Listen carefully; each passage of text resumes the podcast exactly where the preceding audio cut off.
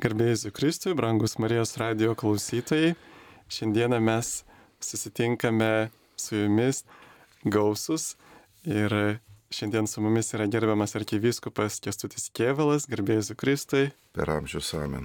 Marijos radio prezidentė Gydė Vaicekauskinė. Garbėjai Kristui.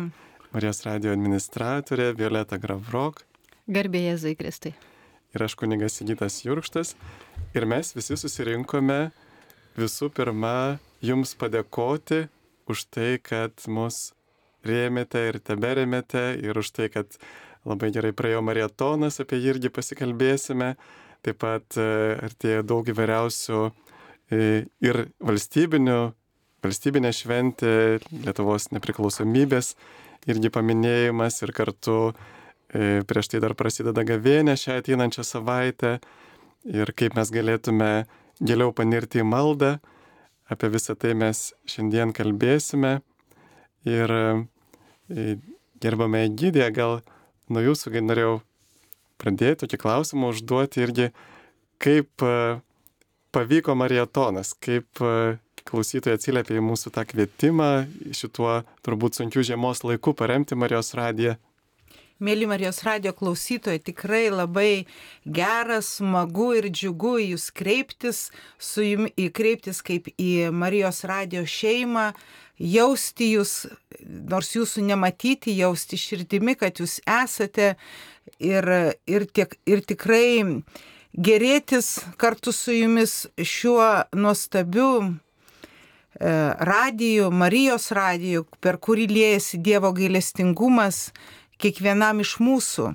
Ir e, tikrai šie metai visiems mums yra ypatingi metai, todėl kad švesime jau 20 metų, kaip girdime Marijos radiją, 20 metų, kai Lietuvoje jisai pasiekė daugelį namų ir daugeliui suteikė vilties, ramybės, džiaugsmo, geros naujienos nešėjas radijas mūsų yra jis, e, ir jo misija yra tokia, kad skelbti Dievo žodį.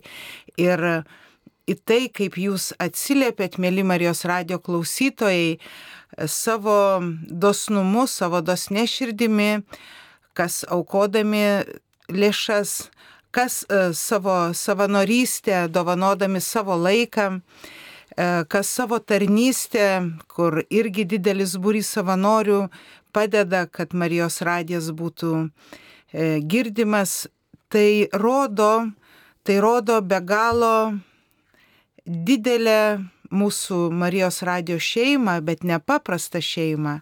Šeimą mylinčių širdžių. Jūs visi esat tos meilės liudytojai, to gerumo liudytojai. Jūs esate tie, kuriems rūpi, kad būtų Dievo žodis skleidžiamas, girdimas ne tik jums, bet ir šalia esančiam, nes mūsų Marijos radijas jo yra tokia misija ypatingai būti reikalingam tiems žmonėms, kurie dar netrado, netrado tikėjimo, netrado Dievo, svarbiausia, netrado to ramybės ir vilties ir meilės skleidėjo.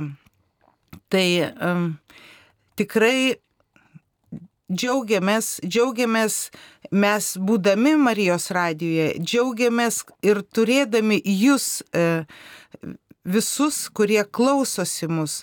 Tai tikrai šit, šioje laidoje visi noriai susirinkome padėkoti jums.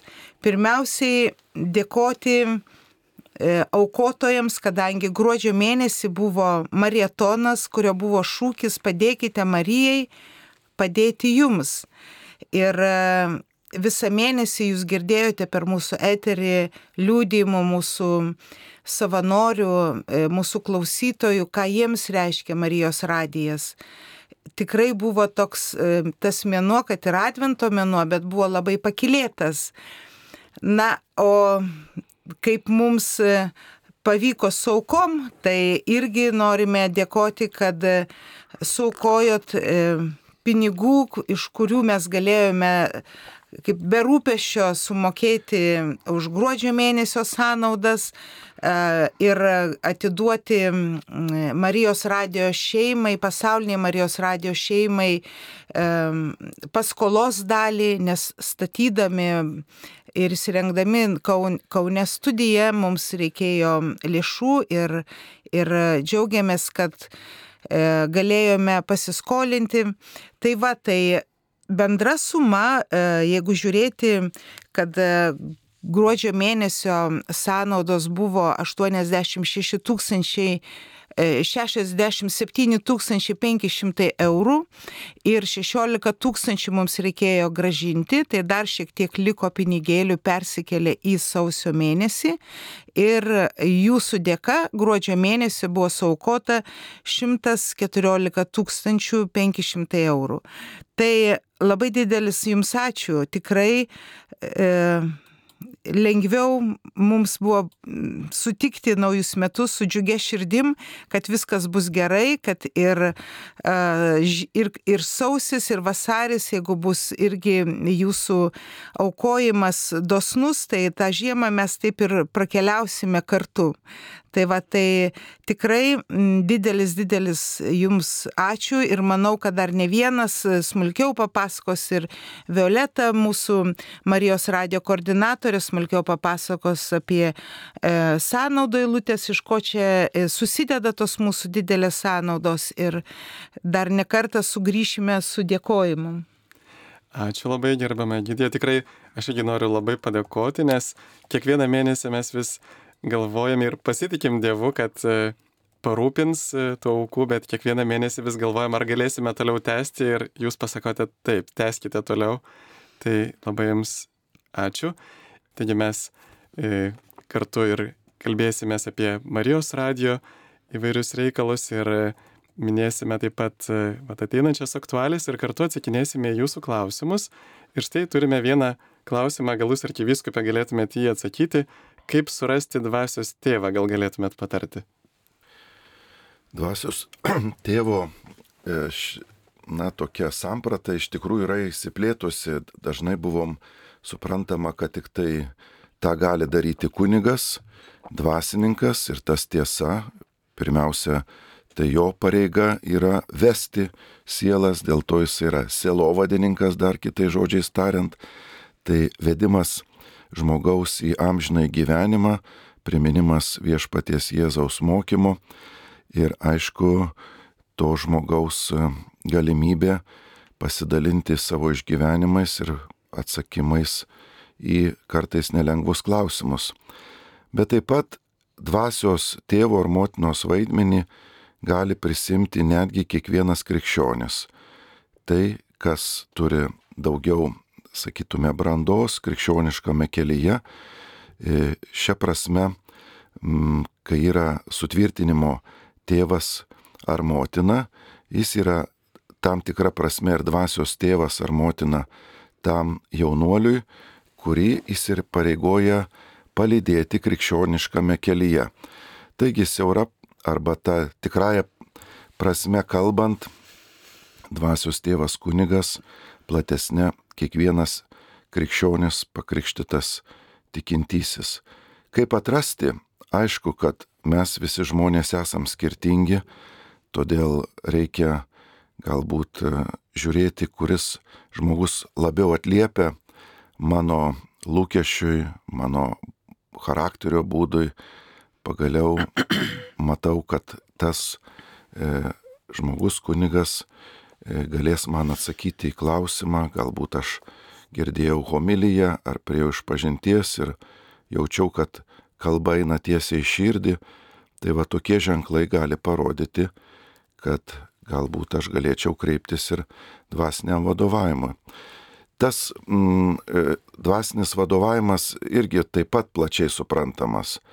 Pirmiausia, tai jis yra mūsų kiekvieną kartą ateinant į šventasias mišes ir girdint homiliją, tai yra dvasinio vadovavimo pagrindinė išraiška. Nieko nereikia ypatingo, dažnai toje homilijoje nuskamba vienas ar kitas sakinys, kur viešpats atsako man per to kunigo žodžius, nors jis kartais ir pats net nesupranta, kad tas e, e, žmogus va, gavo atsakymą, kuris sėdi šiuo metu bažnyčioje. Kita svarbi dvasinio vadovavimo dalis paprasčiausiai išpažintis yra. Žmogus, kuris eina iš pažinties, jis dažniausiai jaučia, kad vedamas yra. Taigi išpažintis prieinama yra dvasinio vadovavimo forma. Atskirais atvejais galbūt reikia kokio pasikalbėjimo platesnio, bet homilija, išpažintis ir taip pat dvasinis skaitimas, kurį aš turiu atlikti kaip krikščionis, gilintis į savo tikėjimą, irgi yra dvasinis vadovavimas. Man tik tai vadovauja žmogus, kuris galbūt parašęs knygą net nežino, kad bus tokia įtaka jo minčių, bet dvasiniam vadovavimui tinka taip pat ir geras veikalas. Taigi, imkime plačiai šitą savoką, nes aš žinau, iš kur ateina toksai klausimas. Klausimas iš tikrųjų nėra dvasios tėvų, visi atsisako arba visi užsiemė, niekas nesirūpina manimi.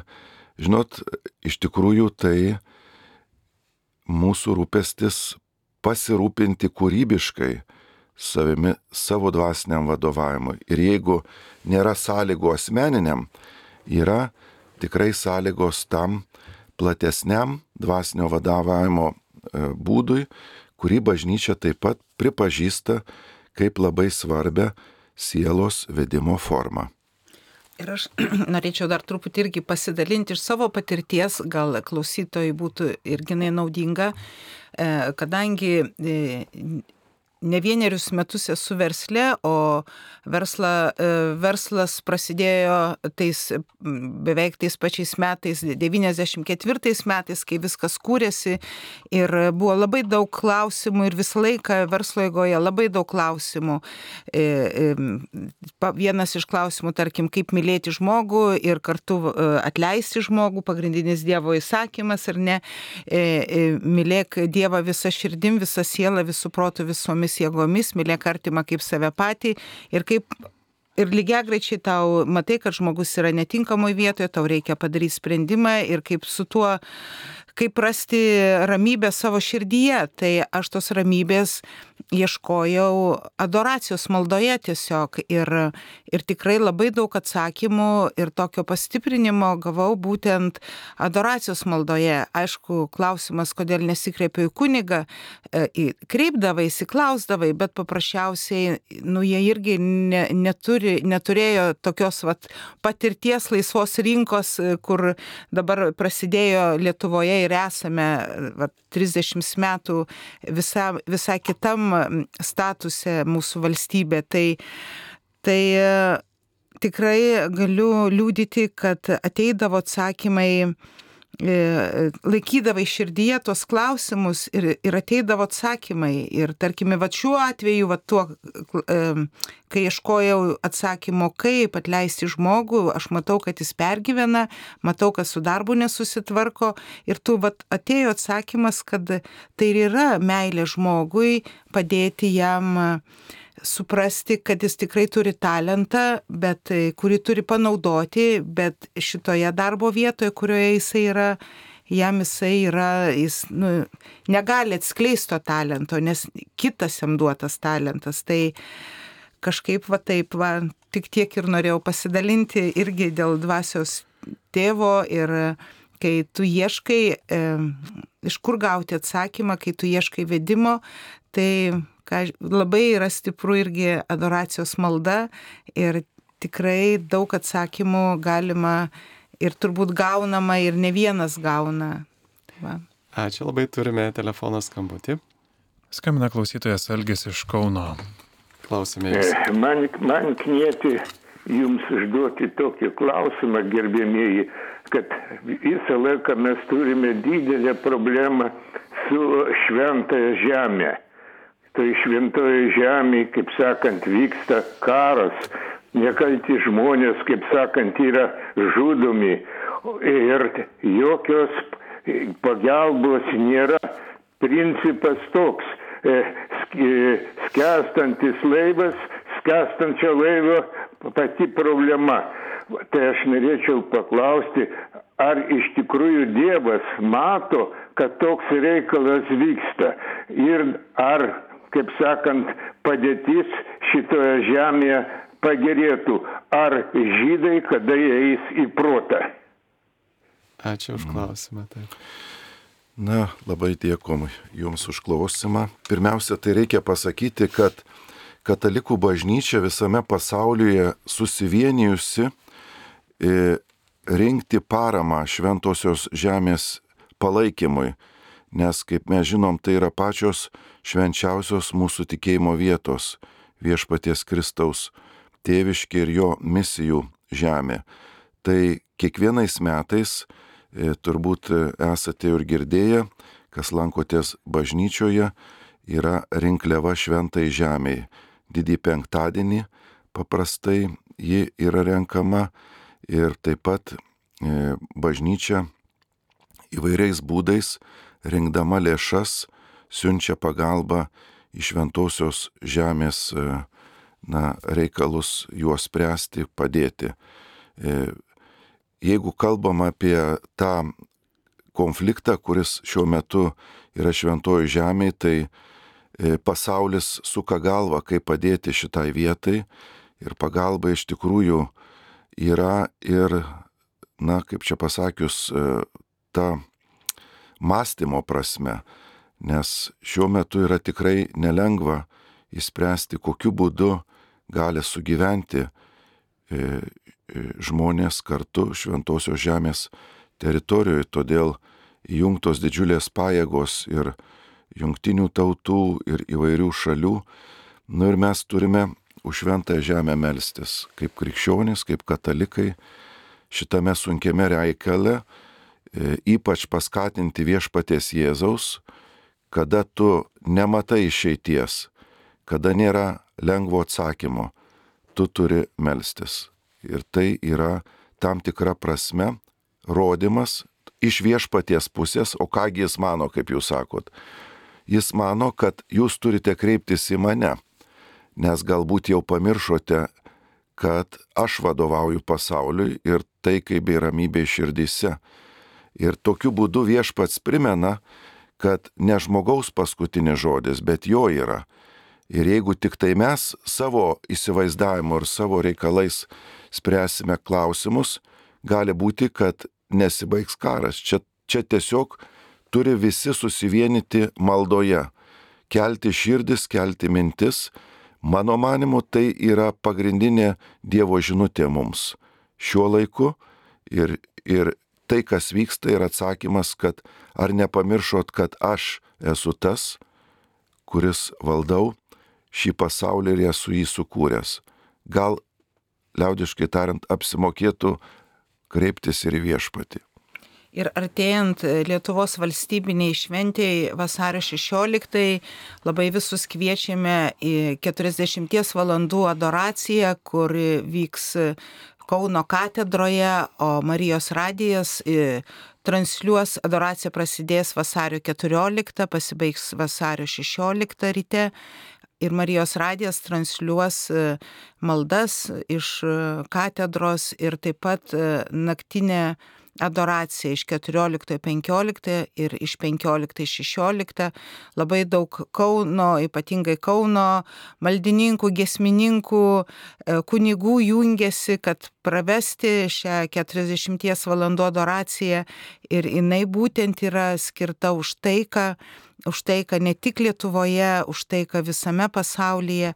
Tai labai kviečiame jūs jungtis, kas galite atvykite, o kam yra toliau ar sergate, jungitės radio bangomis, nes tikrai malda labai reikalinga ir nieko naujo mes ir nesakom, tik at, atliepiam ir atkartojam tai, ką kviečia švenčiausia mergelė Marija per savo apsiriškimus, jinai pastovi kartoja, kad reikia melstis ir jeigu bus, būsime suvienyti maldoje ir būsim, e, skirsime laiko maldai ne 15 minučių, ne pusvalandį, bet e, ryštingai pasiryžę keletą valandų dienoje skirti maldai, tai keisis viskas ir širdis mūsų keisis, mūsų šeimose gyvenimai keisis e, ir tautoje, ir pasaulyje.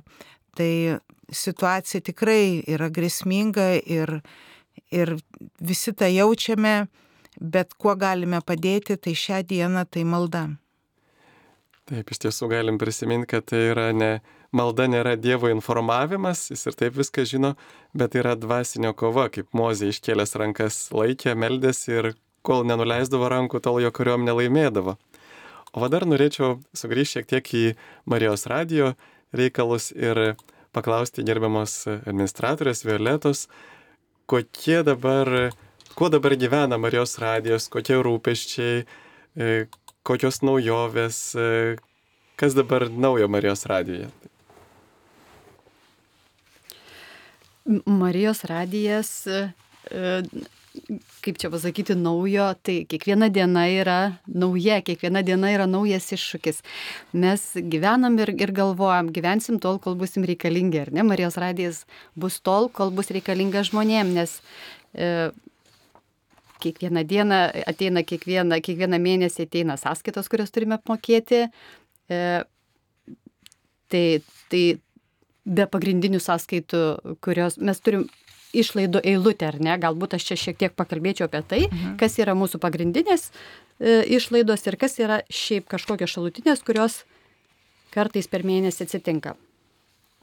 Tai pagrindinės mūsų tiesioginės išlaidos yra, jau nekartą esam kalbėję, kad tai yra e, dažniai. Kas tai yra dažniai? Kartai žmonės paklausia, kas tai yra dažniai. Tai yra tai, kad Marijos radijas transliuoja 25 skirtingais dažniais. Tai reiškia, kad mes turime siūstuvus ir antenas 25 skirtingose bokštuose, skirtingose Lietuvos miestuose nežinau, ar čia įdomu, gal galėčiau paskaityti, kur mes turime, ar ne, tos bokštus. Tai yra pagrindinis didžiausias bokštas, tai Vilniaus televizijos bokštas, iš kurio tikrai yra didžiausias galingumas ir, ir apriepia didelę, didelę dalį Vilniaus ir Vilniaus apylinkių. Ir toliau mažesni, tai yra Šilutės rajone, Kauno, Kauno bokštas, Šiauliuose, Anykščiuose, Marijampolėje, Biržuose, Utenoje, Rokiškyje, Varėnoje, Jurbarkė, Joniškyje, Visaginė, Mažeikiuose, Skuodė, Laukvoje, Raseiniuose, Nidoje, Ignalinoje, Druskininkuose, Plungėje, Alytuje, Klaipėdoje, Tauragėje ir Telšiuose. Tai va yra 25. Tai kas sudaro tą kainą, tai yra E, prie tų bokštų yra tokie nameliai vadinamieji, kur yra su, patalpinta mūsų įranga, siustuvas, tai yra antena, kuri, e, kuri iškelta į bokštą ir mes mokame nuomą už tą temelį ir už tų bokštų naudojimąsi. Tai yra pirma dalis. Antra dalis yra elektros energija, kuria, kuri yra reikalingas, kad e, tos bangos būtų siunčiamos ir tie bokštai sunaudoja iš tikrųjų labai daug elektros energijos. Nu ir trečia dalis yra paslaugos. Tai mes apmokam e, tam tiekėjui, tam telecentrui už, už aptarnavimą. Nu ir va. Telecentras yra, e, mūsų klausytojas gal e, galvoja, kas tas telecentras. Telecentras tai yra valstybinė įmonė ir kuri vat, turi, jinai, galima sakyti, kaip monopolininkė, turi uh, tą galimybę, jinai turi galimybę nustatyti kainas. Uh, pas mus, aišku, mes derimės, vyko keturis mėnesius dėrybos, nieko mums čia nepavyko per daug nuderėti, kaina vėl toliau kyla. Ir, ir mums labai gaila, dabar gavome iš vis tokį vienpusišką, kad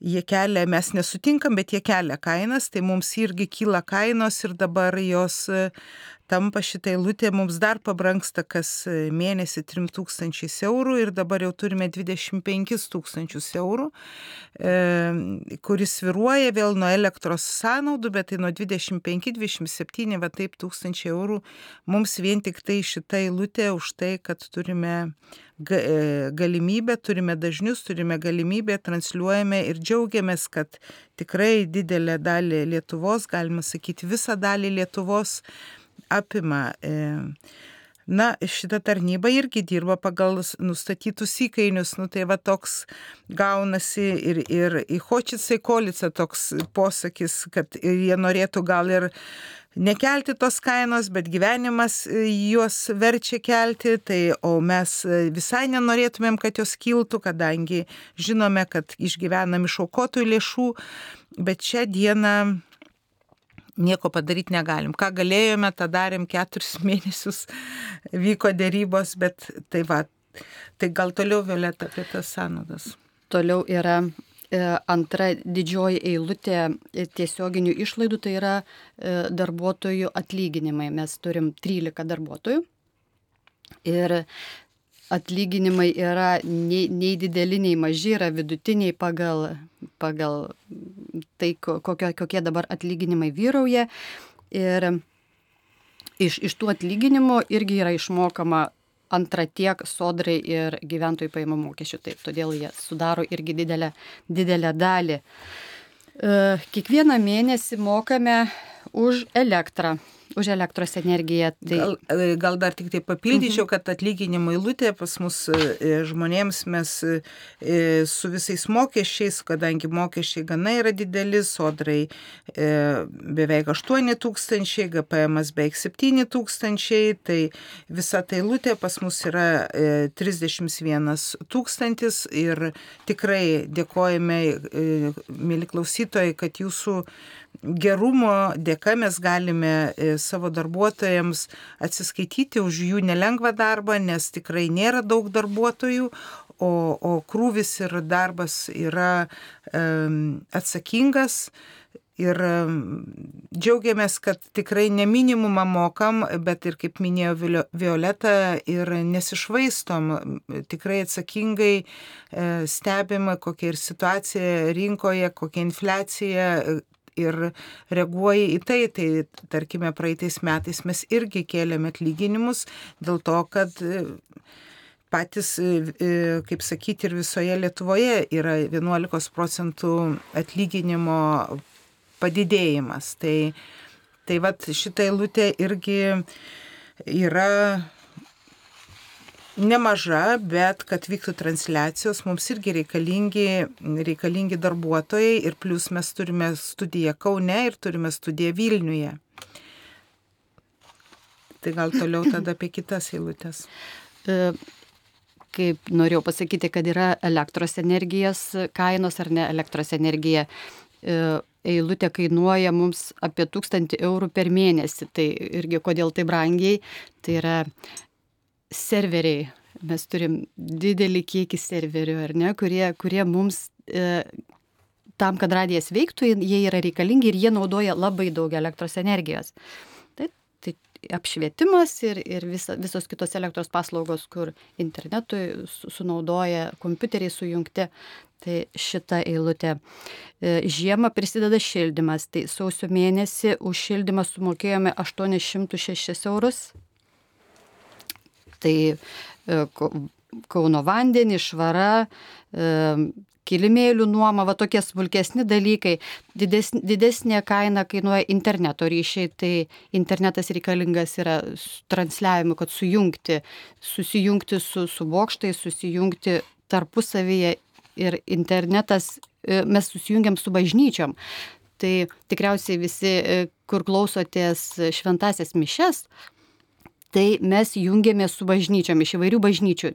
Tai ne visada vyksta ištransliuoti mobilios grupės, turime e, tokį vadinamąjį VPN ryšį su bažnyčiomis, e, kuris veikia interneto ryšiu ir taip pat va, naudoja internetą.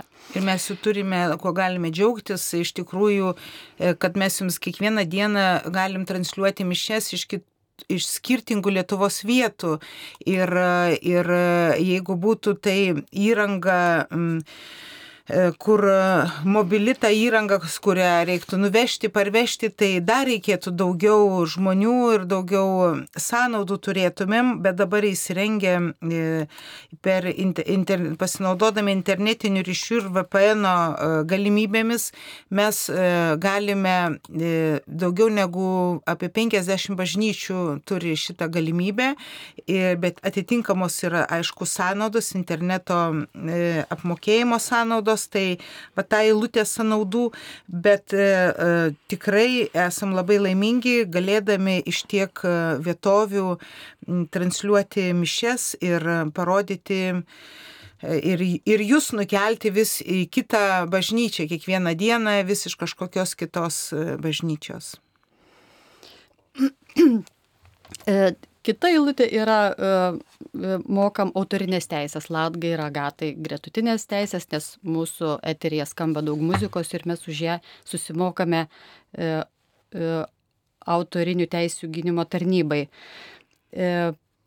Nuomojome anksčiau tris automobilius, dabar nuomojam tik vieną, tai va susimažinom šitą eilutę, nes gavom dovanų automobilį, mums paliko e, amžinatilsi kunigas Bronius Lapelis, kuris labai tikrai mes jam dėkojame. Ir, ir vat, tada mes atsisakėme, vėl susimažinom kaštus ir atsisakėm nuomos. Liko vienas automobilis nuomojamas, jisai mums labai reikalingas, todėl kad vyksta mūsų savanoriai į, į, rinkti aukų į visas bažnyčias ir mes kelbėme, į kurias bažnyčiose bus renkamos aukos, tai kai kurias važiuoja, vyksta mūsų savanoriai ir šita mašina tikrai yra panaudojama ir dar viena e, padovanota mašina irgi yra technikos žmonės, kuriems reikia irgi transporto priemonės, kad galėtų gerai atlikti savo darbus. Tai e, vat, ta eilutė tiek ir yra. Ir, ir jeigu va taip apibendrinant, tai yra tos išlaidos, kur yra susijęto su transliavimu, tai jeigu sudėti visus internetus, visokie ten ir yra smulkių sąnaudėlių, tai yra apie 27 tūkstančiai, sąnaudos, kaip minėjome, darbo užmokesčių yra 31 tūkstantis. Ir tada, e, kas liečia nuomos ir visokios einamosios sąnaudos, kurių čia yra irgi smulkios eilutės, bet jos dedasi ir, ir taip mes atsitikime atsirandame turėdami 67 500 eurų sąnaudų, maždaug va, toks vidurkis yra mūsų per mėnesį. Tai tikrai jums labai didelis ačiū. Ir žinot, tas, e, tai, kad mes, nu, tikras stebuklas, nu, didelės sąnaudos, bet mes surenkam tos pinigus, jūs aukojate. Tai ką rodo? Kad rodo, kad Lietuva yra pilna meilės. Mes daug girdime, kokie čia ta Lietuva susiskaldžius ir tokia. Ne, netikėkit, pilna meilės tik mylinčios širdis gali šitaip turėti tokį radiją, kur, kur jisai išsilaiko tik iš jūsų aukų, išsilaiko iš savanorių laidos, kur vedamos, juk savanoriai veda tas laidas, dovanoja savo laiką, e, deda, e, kaip sakyt, širdis ant, ant studijos stalo ir, ir šneka ir dalinasi tuo, ką turi geriausio, ką žino geriausio, ką žino iš labai įvairių kompetencijų atkeliauja savanoriai, labai į skirtingų, e, iš skirtingų tarnyšių, profesijų ir tikrai mūsų laidos yra įdomios ir e, iš, e, žinom, kad įdomios iš jūsų atsiliepimų, nes jūs dėkojate už tas laidas.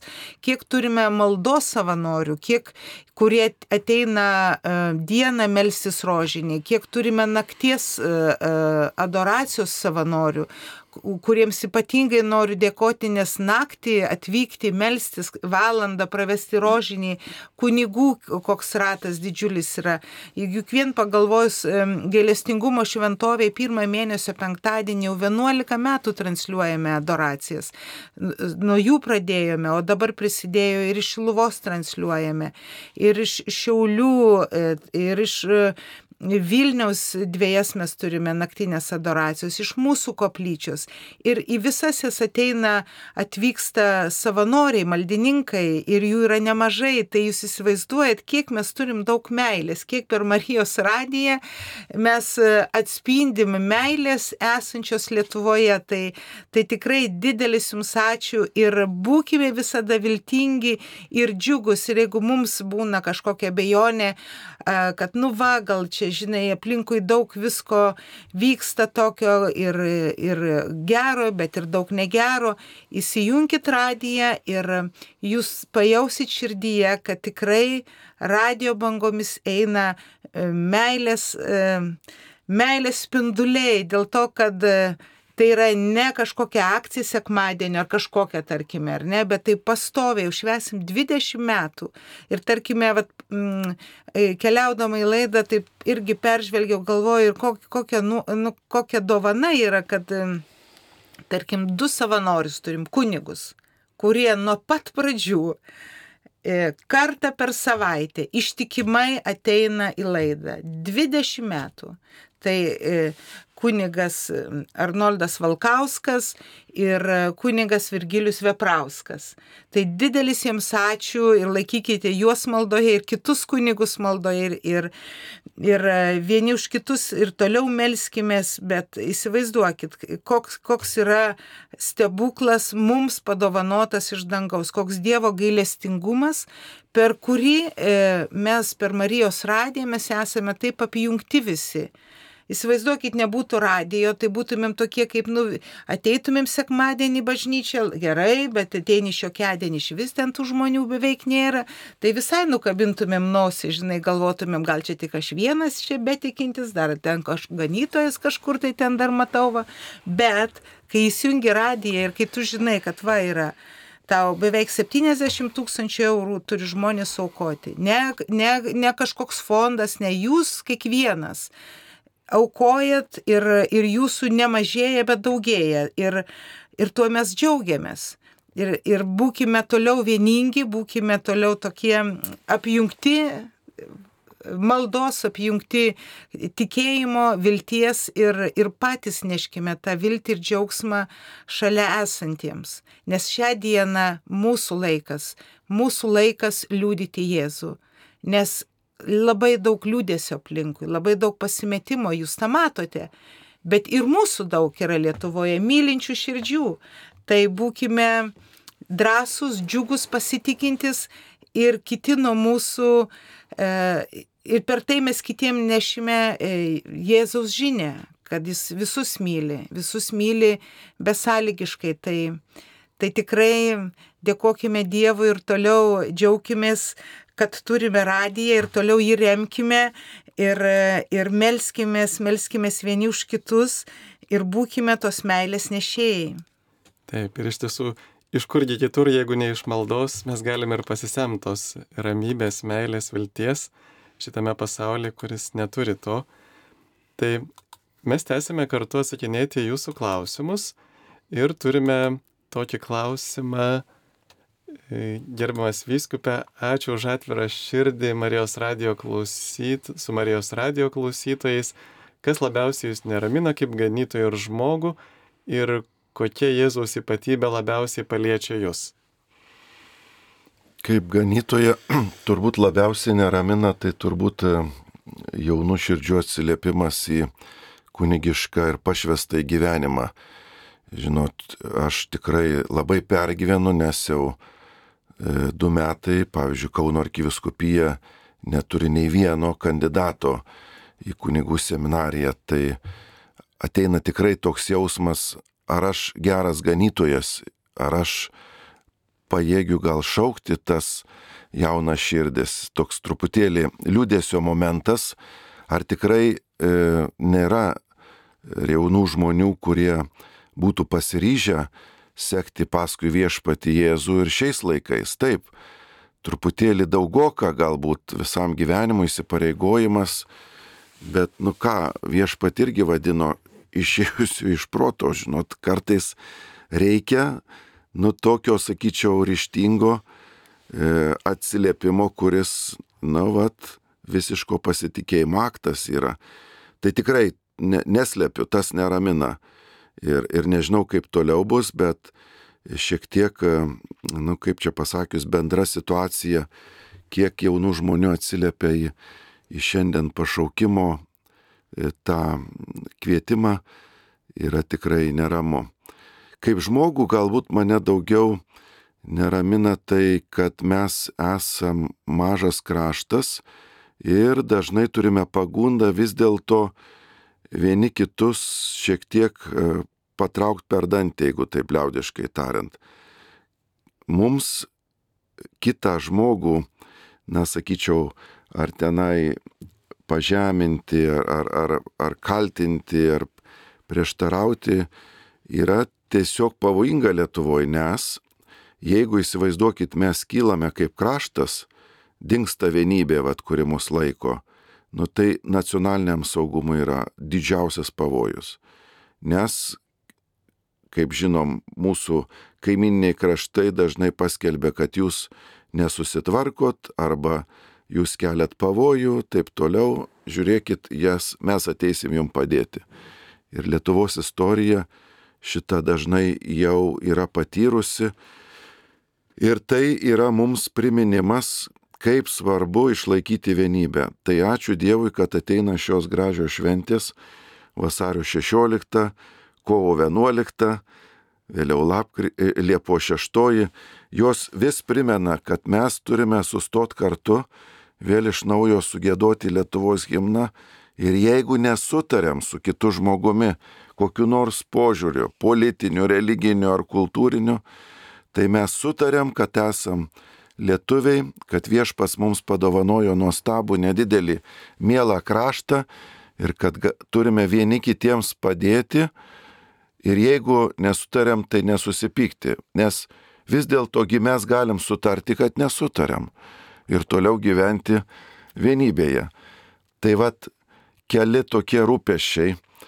O mm, Jėzaus ypatybė man labiausiai patinka tai jo įstovėjimas tiesoje. Turiu pripažinti, kad jis visiškai nieko, sakykime, neturėdamas nei ginklų, nei kokios nors net, sakyčiau, už savęs esančios e, universiteto ten ar akademikų e, komandos, kuri tavo nuomonę paremtų, jisai tiesiai šviesiai kalba apie tiesą, kuri laisvina. Ir jeigu reikia, padovanoja gyvenimą. Nu, čia įspūdinga. Aišku, kitos ypatybės - gailestingumas, švelnumas, prieimimas nusidėlio, nu viską žavė. Nu bet va šita tiesos e, stovėsena Jėzaus yra tikrai, manau, kiekvienam krikščioniui didžiulis įkvėpimas, nes iš čia ateina toksai, vat, galėčiau sakyti, tikrumas, kad su Jėzumi nugalėsi, kad tu taip pat turi laikytis tos tiesos, kad jinai tave laisvins, kad jinai ves dovanos ramybę. Tai spūdinga. Ačiū. Ar dar turime skambutį? Taip. Skambina klausytoja Danguolė iš Vilniaus. Taip, klausome jūsų. Garbė Jėzų Kristų. Per amžius. Aš gyvenu Vilniuje, esu krikščionė ir noriu paklausti, dvi moterys vaikšto Vilniaus gatvės ir čia knygutės dalina brošiūrėlės ir nori, kad aš prisijungčiau prie Dievas Jėgovas į šitą tikybą. Kokia čia yra tikyba? Ir nori dar sužinoti, koks tikras Dievo vardas yra. Ačiū labai. Tikras Dievo vardas yra tėvas. Kai mes E, skaitome Naująjį Testamentą, šitas klausimas taip pat nuskamba ir mokinių lūpose. Kaip kreiptis, kaip melstis, kaip čia su tuo Dievu bendrauti. Labai įdomus, paprasti e, žmonės gauna labai paprastą atsakymą. Kai norėsite melstis, sakykite, tėve mūsų. Viskas. Viešpas yra tėvas. Aišku, Senajam testamente mes turime keletą E, vardų Elohim, Adonai. E, hebrajų kalboje įvairiais e, na, rakursais viešpats vadinamas vardais, taip pat Jahve, e, kuris e, vienas iš tų kilniausių vardų, kuris buvo labai saugomas, ištart jo vardą galėjo tik tai labai ypatingais atvejais tam skirti asmenys. Bet e, kai Mozė paklausė, koks tavo vardas, ką man pasakyti izraeliečiams, labai įdomiai viešpats atsiliepia, aš esu esantysis, aš esu, kuris esu. Tai vad, Dievas e, nuo vardo nepriklausomas, ne kaip sakyt, kiekvienas vardas žymi tam tikrą galbūt savybę, bet aš manau, kad Jėzaus pasiūlymas Dievą vadinti tėvu yra turbūt labiausiai atspindintis ir suprantamas. O, o, o mokslininkas gali pavadinti Dievą ir pasaulio architektų, visatos dizainerių, e, kuriejų, daug dalykų, kurie yra, reiškia, mums, na, svarbus kaip, kaip žmonėms suprasti Dievą, gali būti pasitarnauti ir jo supratimui. Na, o jeigu apie šios minėtus Jehovos liudytojus, ne tai jie skelbia greitą Dievo karalystės ateimą, jie iš tikrųjų yra, na, tokia organizacija, pasli, pasklidusi pasaulyje visiškai neseniai, pirmasis e, pradininkas e, pradėjo skelbti doktriną e, Brukline, sargybos bokšto Biblijos ir traktatų draugiją įkūręs, neigia vis dėlto ši bendruomenė švenčiausią trejybę, šventąją dvasę ir Jėzaus Kristaus dieviškumą. Tai, tai mums, kaip sako krikščionims, nepakeliui. Ne, teigia, kad Jėzus Kristus buvo tik tai žmogus, Dievo atsiustas į žemę valdyti žmonijos, ne, ir, ir kūnišką jo prisikelimą, sielos nepertingumą, e, kaip sakyti, kvestionuoja tam tikrą prasme. Todėl mums ši grupė iš vienos pusės kalba apie Dievo karalystę ir tarsi, patraukia dėmesį, o čia nauja žinia sugalėt kažkokia. O iš kitos pusės tai iš tikrųjų nėra krikščioniška doktrina, nėra katalikiška doktrina. E, pabrėžia, kad Dievo vardas yra tik Jehova ir kitais vardais vadinant Dievą mes reiškiasi nusidedam ar nusikalstam. Nu, tai yra, kaip čia pasakyti, perlenkimas. Perlenkimas. Atseit jau Dievo vardas nulėmė, e, reiškia, mano van, vadinamas Dievo vardas nulėmė išganimą. Tai tikrai yra susiaurinimas ir aš manau, kad mes turime būti atsargus, laikytis atokiai ir katalikišką doktriną, kurią turime išdėstę nuostabiai katekizme, labiau gilintis ir man brošiurėlė duota gatvėje nieko nepridės, dažniausiai suklaidina. Taip, iš tikrųjų, kaip Biblijoje parašyta, nėra kito vardo, kurio galėtume išgelbėti, būti kaip tik tai Jėzaus vardas. Ir turbūt yra noras pakeisti kažkaip kažkuo Jėzaus vardą. Dar turim vieną klausimą. Abu esame išsituokę, antrosios pusės gyvos. Mes nesusituokę gyvename, sugyvename puikiai, į bažnyčią einame kiekvieną sekmadienį. Ar galime imti šventąją komuniją, ar ją priimdami nusižengimą, kaip mums elgtis? Pirmasis patarimas vis dėlto yra eiti pas kunigą, kalbėti apie savo situaciją ir tada kreiptis į bažnyčios e, tribunolą, kuris e, padaro tyrimą, kodėl būtent praėjusi santoka sugriuvo, kas ten atsitiko, ar buvo reikalingai santokai, na, tikėjimo ir sakramento prieimimui sąlygos. Todėl pirmas žingsnis tikrai būtų pristatyti situaciją kunigui, kreiptis į bažnyčios tribunolą, kuris kiekvienoje viskupijoje egzistuoja ir pabandyti įsiaiškinti Ir tikrai labai norisi pakviesti ir padrasinti e, tik tai tada prieimus santokos sakramentą priimti Euharistiją. Ne, Euharistijos prieimimas sakoma, kad esu pilnoje vienybėje su katalikų bažnyčioje. Tai reiškia ir tikėjimo vienybėje, ir sakramentų vienybėje. Todėl labai norime padrasinti jūs tai padaryti dėl širdies ramybės ir dėl tos tvarkos, kuri mūsų bažnyčioje yra. Čia dar e, porą klausytojų smalsauja apie e, aukas, atlyginimus. Kiek Marijos radio prezidentė gauna per mėnesį iš aukotojų pinigų, norėjau paklausti. E, geras klausimas.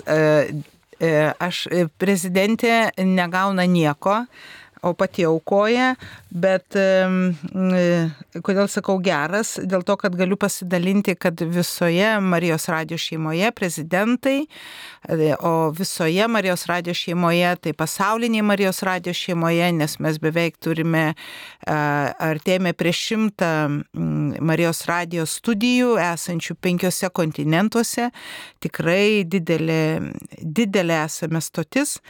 Ir prezidentai yra savanoriai. Vat, labai toks e, įdomi e, struktūra e, sudaryta, sudaryta amžinatilsi Emanuelio Ferrario, italo, um, italo pasaulietčio, buvusio verslininko, vat, būtent maldoje tokia buvo sudėliota struktūra, kad prezidentai yra visur savanoriai.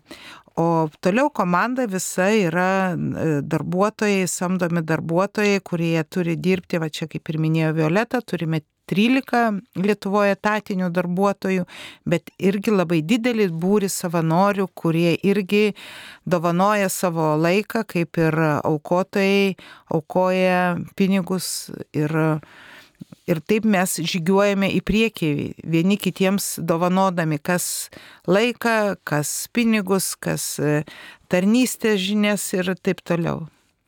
Gal pridursiu, kad, kad Egidija ne tik, kad negauna atlyginimo, kaip, kaip minėjo, bet nuolat paremia Marijos radiją ir jeigu būna trūkumas, pavyzdžiui, mėno kažkoks, kurio visiškai nesudarėm galo su galu, tai visada yra prašoma paremti, o pavyzdžiui, šį mėnesį buvo e, iš Egidijos buvo pervesta 5000 eurų už mūsų naująjį koplyčios kryžių. Tai eisit pro šalį, užeikit į Marijos radio koplyčią, pažiūrėkit, kokį turim naują kryžių, kurį mums pakabin, pa, pagamino pranciškonai, ar ne, iš, iš e, kryžių kalno vienuolynė. Taip? Taip, e, tėvas Karlo, e, kur džiaugiamės, kad tokį turime, jis yra italas, atvykęs pranciškonas, atvykęs į Lietuvą, iš menininkų šeimos, yra nutapęs ne vieną ikoną ir Ir šį kryžių labai jisai irgi norėjo širdyje jį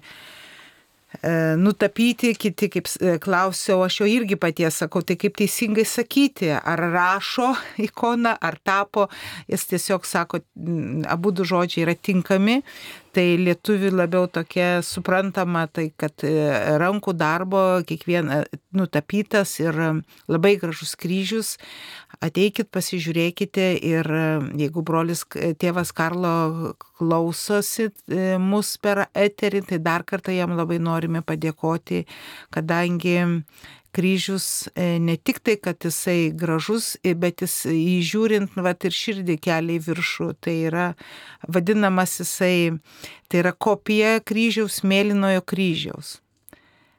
Toks, tokio pavadinimo toks yra mėlynasis kryžius apie tą laiką, kaip gyveno e, asižėtis Pranciškus, va to 1100-1200 metų laikmečio kryžiaus kopija.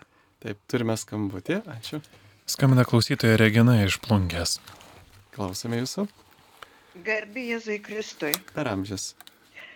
E, pirmiausia, noriu Jums padėkoti uh, už Marijos radiją, nes mums seniems žmonėms iš tikrųjų yra jinai labai reikalinga, uh, nes mes beveik visą dieną, bent jau aš klausausi ir mišes, ir visokias katachezės, ir viską. E, ir, nu, tiesiog esi visą dieną užsijėmęs, e, nebejauti tos vienatvės ir jeigu kas ar skauda, ar ką, čia jau reikia skubėti ir pasidaryti valgyti ir pasimelst visas tas maldas, nes, nu, viskas yra tiesiog labai, labai įdomu ir labai mums ypatingai seniems žmonėms labai reikalinga. Tai labai ačiū ir yra, nu, toks klausimas e, mum seniem žmonėm irgi labai yra lengva iš telefono paaukot e, pinigus trumpuoju numeriu šituo. Ar dar toliau bus galima šituo trumpuoju numeriu aukot, mums tiesiog nereikia išeiti iš namų, surenki numerį ir paaukoji norimą sumą. Ačiū Jums. Tai galiu atsakyti, kad trumpieji numeriai e, veikia ir, ir toliau veiks. Tai e, trump, iš, e, iš tinklų telyje, tai ir mobilusis, ir, ir tas fiksuoto ryšio tinklas veikia, bitės ir teledu. Numeriai 1622 paukosite 10 eurų, 1623 paukosite 20 eurų. Tai labai dėkojam už, jūs, už jūsų aukas ir iš tikrųjų, jeigu jums tai yra patogu, tai galite aukoti ir galėsiu paskui papasakoti apie naujus aukojimo būdus, kuriuos mes įvedėme bandydami palengvinti. Tai e, jau prieš tai buvom kalbėję, kad yra e, internetiniai aukojimai, tokie, tokias platformos internetinio aukojimo, kas, pavyzdžiui, naudojasi PayPal sistema. Čia jau gal jaunesniems žmonėms labiau būtų tinkama, tie, kurie e, priekybą internetinę e, turi, tai jie dažnai naudoja PayPal sistemą. Tai, e, Jeigu kas nors naudojate, tai yra labai patogi, patogu iš, per šitą platformą pervesti Marijos radijai pinigus. E, Ir yra dabar visiškai nauji du būdai. Tai vadinamieji prenumeratos. Tai tokios yra taip pat aukojimo platformos Contribui ir Patreonas vadinasi. Ir mūsų uh, Marijos radijo direktorius jis yra labai uh, prie tokių naujų technologijų. Galbūt galėtumėt, uh, kunigė, papasakoti išsameu, kaip Contribui ir Patreonas kaip veikia ir kaip žmonėms reikėtų tą prenumeratą, kaip užsiprenumeruoti nuolatinę paramą. Tai Patreon yra tokia senesnė šiek tiek platforma, pasaulyje populiari, išpopuliarėjusi, Contribui naujesnė, Contribui sukūrė lietuviai ir veikia to principu, kad e, tu vieną kartą užsiprenumeruoji ir tada nereikia rūpintis kiekvieną mėnesį paukoti, bet kiekvieną mėnesį nuskaito tam tikrą pasirinktą sumą, ar ten 2 eurai, ar 5, ar 20, ar kiek pasirinksite. Ir ji veikia, e, galima tiesiog pasirinkti, kokiu būdu reikia turėti internetinę, aišku, bankininkystę, kažkokiu tai būdu, kad galėtum per internetą e, atsisaky, atsiskaityti ir e, kada vieną kartą užsiprenumeruoji, paskui kiekvieną mėnesį vis ir primena ir nuskaito tą sumą, tuos kelius eurus ar kiek jūs pasirenkate. Ir tai labai palengvina kartu ir, ir mūsų darbą, ir jums kartu, kad nereikia kiekvieną mėnesį ten ieškoti tų kodų, nes tai duoda tam tikro tokio stabilumo, kad va štai yra žmonės, kurie įsipareigoja palaikyti Marijos radiją ne tik vieną kartą, bet ir, ir toliau. Ir tikrai per internetą tai nėra sudėtinga, yra ir, pavyzdžiui, Contribui, galite ir lietuvių kalbą e, perskaityti visas instrukcijas, e, reikėtų tiesiog nueiti e, tokiu adresu, gal lengviausia būtų per marijosradijas.lt svetainę ir ten yra skiltis parama ir pamatysite aukojimo prenumerata, Contribui, Patreon tiesiog paspausite mygtuką ir ten tikrai bus nesudėtinga instrukcija. Taip, turime. Ir, mhm. yra skambutis. Taip, turime skambutį. Skambina klausytoja Genovaitė iš Vilniaus. Klausime jūsų. Alio, alio, alio. Taip, klausime. Gerbiamai, gerbiam, gerbiamai prezidentai, norėčiau, kad palangoje druskininkų gatvėje galima būtų girdėti Marijos radiją. Labai prašau, labai prašau. Palangoje, taip ar turime kokiu nors žinių apie palangą? Yra klaipėdos dažnis, jis, jis dengia palangą, tačiau e, kartais būna va, žmonės įvairiose gatvėse girdi, o va šitoj būtent gatvėje negirdi. Tai galbūt dengia kažkoks aukštas pastatas, galbūt šalia stovi kažkokia įmonė, kuri, e, čia mūsų technikas labiau pasakytų, sugeria tam tikras bangas ir, ir aplinkiniai namai negirdi. Tai e, Jeigu negali žmonės girdėti paprastų radijų, mes visada kviečiam klausytis internetu. Ir jeigu neturite kompiuterio ar ten kažkokio telefono, galbūt paprašykit savo vaikų artimųjų, kad jums įdėktų. Taip pat galima klausytis tele, televizijos būdu. Yra toksai būdas, jeigu turite skaitmeninę televiziją, bet dabar jau tikriausiai ir nelabai yra tų analoginių televizijų. Aš manau, kad visi turi skaitmeninę ir ar šviesolaidis kažkoks įvestas, ko, ko, kokiu būdu tą televiziją žiūrite, bet yra papildoma paslauga televizijoje. Pasižiūrėkit pas save e, meniu televizijos. Tai būna e, pramogos, paslaugos, radijas, ar ne? Ir daugelis e, televizijos tiekėjų mes sutarė sutartis, kad galima klausytis radio ir televizijoje. Tai va tokia naujiena, jeigu kartais jūsų paprastas radijas FM bangomis negaudo dėl kažkokių techninių kliučių, dėl kažkokio reljefo, dėl, dėl užstojančių namų ar kokiam slėnį gyvenat, tai va ieškokit. E, Mobiliajam telefone galite klausytis, yra programėlė e, Marijos radio, galima mobiliajam telefone susirasti e, Marijos radio tinklapį ir atsidaryti ir klausyti tiesiogiai. Taip pat galima e, kompiuteryje atsidaryti Marijos radio tinklapį ir taip pat klausytis tiesiogiai. Tai va tų būdų klausimo yra daugiau, ne tik FM radijas. Tai tikrai nu, nuoširdžiai kviečiam žmonės kaip tik jungtis kuo daugiau į tą skaitmeninį į tą internetinį radiją, nes jeigu kainos ir toliau taip labai kils, tai, žinot, su tuo FM radiju visai čia gali būti, tai kviečiam visus modernizuotis ir, ir ieškoti naujesnių, modernių būdų klausytis radiją. Nes internetinis radijas mums e, nekainuoja, nereikia mokėti už e, dažnius ir tikime, kad tai yra ateities radijas, bet e, Genovaitė tikrai dar kartą atnaujinsim klausimą dėl palangoj druskininkų gatvės, šnekėsime su LRTC centru, e, kodėl vis dėlto mes negalim išspręsti tos problemos. Tai būkim viltyje, maldoje, gal ir pavyks. Taip, dar turime skambutį. Klausytoja Genovaitė dar noriu užduoti klausimą. Taip. Gerbiam, gerbiam prezid... E, e, ar, arkivyskupui, ką reiškia užsie, užsiemimas reikia, ar čia labai blogai, kas užsima tuo reikia, tai sako labai blogai šitas dalykas. Ačiū labai, labai geras klausimas, taip. Reikia, reikia.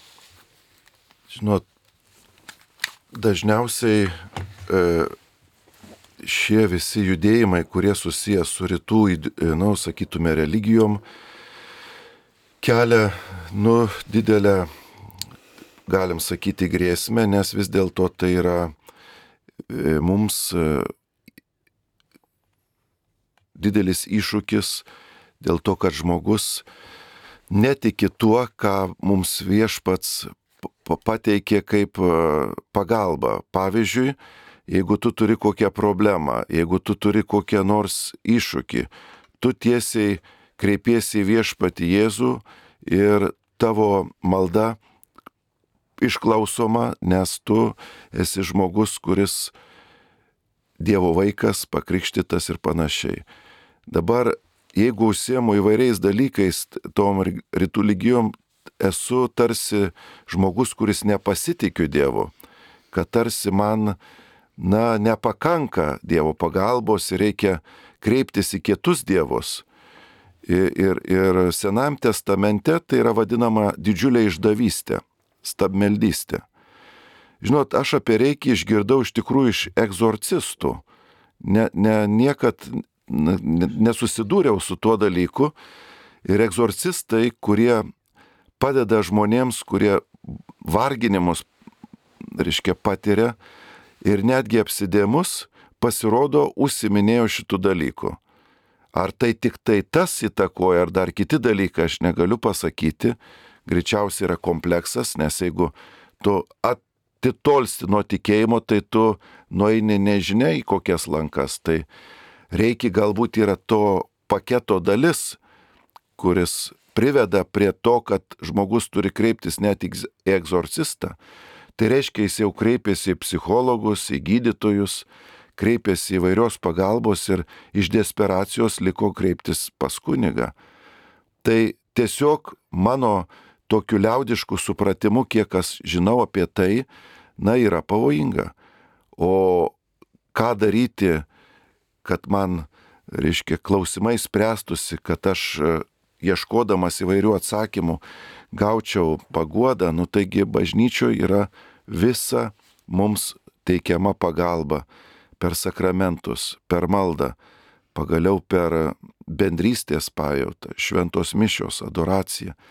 Visa tai, ko aš ilgiuosi ir kokius klausimus sprendžiu, gali spręsti mano e, tikėjimas, kuris padovanotas kaip didžiulė dovana. Va dar internete radau, kad 2002 e, metais mokslininkai tyrė reiki poveikį ir e, buvo nustatyta, kad e, nebuvo jokio teigiamo poveikio. Na, reiškia, moksliškai tai yra visiškai beprasmis, neveiksmingas dalykas ir 2008 netgi mokslininkai padarė tokią metaanalizę, išanalizavo 205 tyrimus įvairius, įvairiomis kalbomis su reiki susijusius ir atrado, kad nėra įrodymų, kad reikia būtų veiksmingas gydant bet kokį susirgymą. Nu, kitaip sakant, tai yra apgaulė, bet ne tik. Bet aš turėjau tokį vieną, e, žinau vieną žmogų, tokį jo liudijimą apie reikį. Jisai vaikščiojo pas tokį ekstrasensiją ir jį apgavo, kad sakė, na žiūrėk, e, e, vad Jėzus gydė ten į rytus kažkur buvo nuvažiavęs, nuėjęs tais laikais ir jį čia išmokė būtent reikia gydyti. Ir sako, va dabar žiūrėk, ar tu nenorėtum gydyti taip, kaip Jėzus gydė. Ir čia, sako, va čia žmonės atrado ten kažkokius ten slaptus ten kodus ar simbolius ar kažką tenais, na kitaip sakant, čia su magija šiek tiek susijęs su okultizmu. Na ir va išventinimas į pirmą lygį ten tais laikais kainuodavo ten 200 litų, o į ten aukščiausią lygį ten keliolika tūkstančių litų. Na ir tada tu gauni sertifikatą, tu gali būti tuo reikia gydytoju. Ir tas žmogus susapnavo tokį sapną, va, kaip tik tą pačią dieną prieš einant pasireikėjus, pamatė taip savo sielą kaip, na, tokia, kaip padėkla pilna gėlių, baltų gėlių, jis, jis buvo tas žmogus pamaldus, vaikščiai bažnyčią, melsdavosi rožinį ir sako staiga, kaip ant jo uždeda rankas ta moteris ir jisai pamato, kaip visos tos gėlės staiga išnyksta iš šios sielos ir jis gauna kažką tai tokio visiškai beverčio. Tai va, jam buvo toks ženklas, kad, na, tarsi Dievo dovana, kad jis neitų, nes tą dieną buvo susitaręs eiti tą išventinimą priimti. Tai tikrai tai yra magija, okultizmas ir visiškai neveiksmingas medicinė prasme.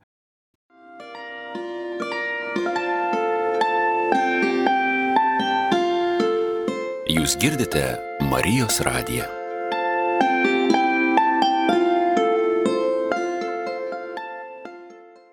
Marijos radio klausytojai, mes grįžtam su jumis eterį. Šiandien šventinėje laidoje mes dėkojame už jūsų paramą, dėkojame už Marijatoną, kad mus paremėte, kad toliau remiate. Mes esame kartu su Kauno arkivyskupu Kestučiu Kievalu, taip pat su Marijos radio prezidentė Gydė Vaicekauskinė ir su Marijos radio administratorė Violeta Gravrok. Ir šiandieną mes toliau atsakinėjame jūsų klausimus. Atsakykite, kodėl viskupai iki šiol nepamiršta sovietmečio nuoskaudų, bet e, dar ir reikalauja, kad tiems, kuriems kunigai ir bažnyčia sugriovė gyvenimą, kad atleistų.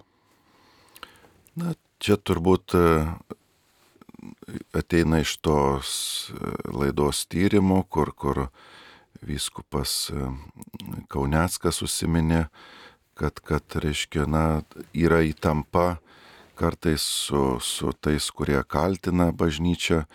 Nereikia galbūt vieno pasisakymo ar vieno, na, tokio mm, pokalbio išryškinti, kad visi viskupai nepamiršta nuoskaudų.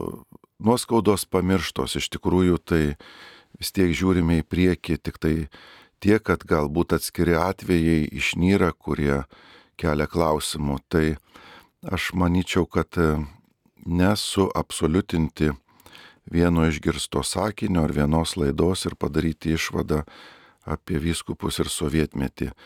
Mes, e, brangieji, esame vis tiek visi žmonės ir turime jausmus, turime atminti ir kartais tie skausmingi momentai išnyra, jeigu jais pasidaliname, nu tai kągi, tam tikra prasme yra savęs uh, parodimas galbūt, na, toks ir, ir skaidrinimas, ir bandymas, kad, nu, va, supraskite ir mūsų situaciją, kurie buvome sovietmetį, kurie nešėme tikrai sunkia labai tikėjimo skleidimo pareigą ir, ir buvo labai sudėtinga, kai kurie žmonės nukentėjo net sumokėdami kainą, buvo įsiusti į kalėjimus, net kai kurie prarado gyvybę, nu tai to nepaneiksi, tas yra skausminga ir, ir, ir tiesą sakant, laiks nuo laiko prisiminti yra gerai, yra vaistai, nes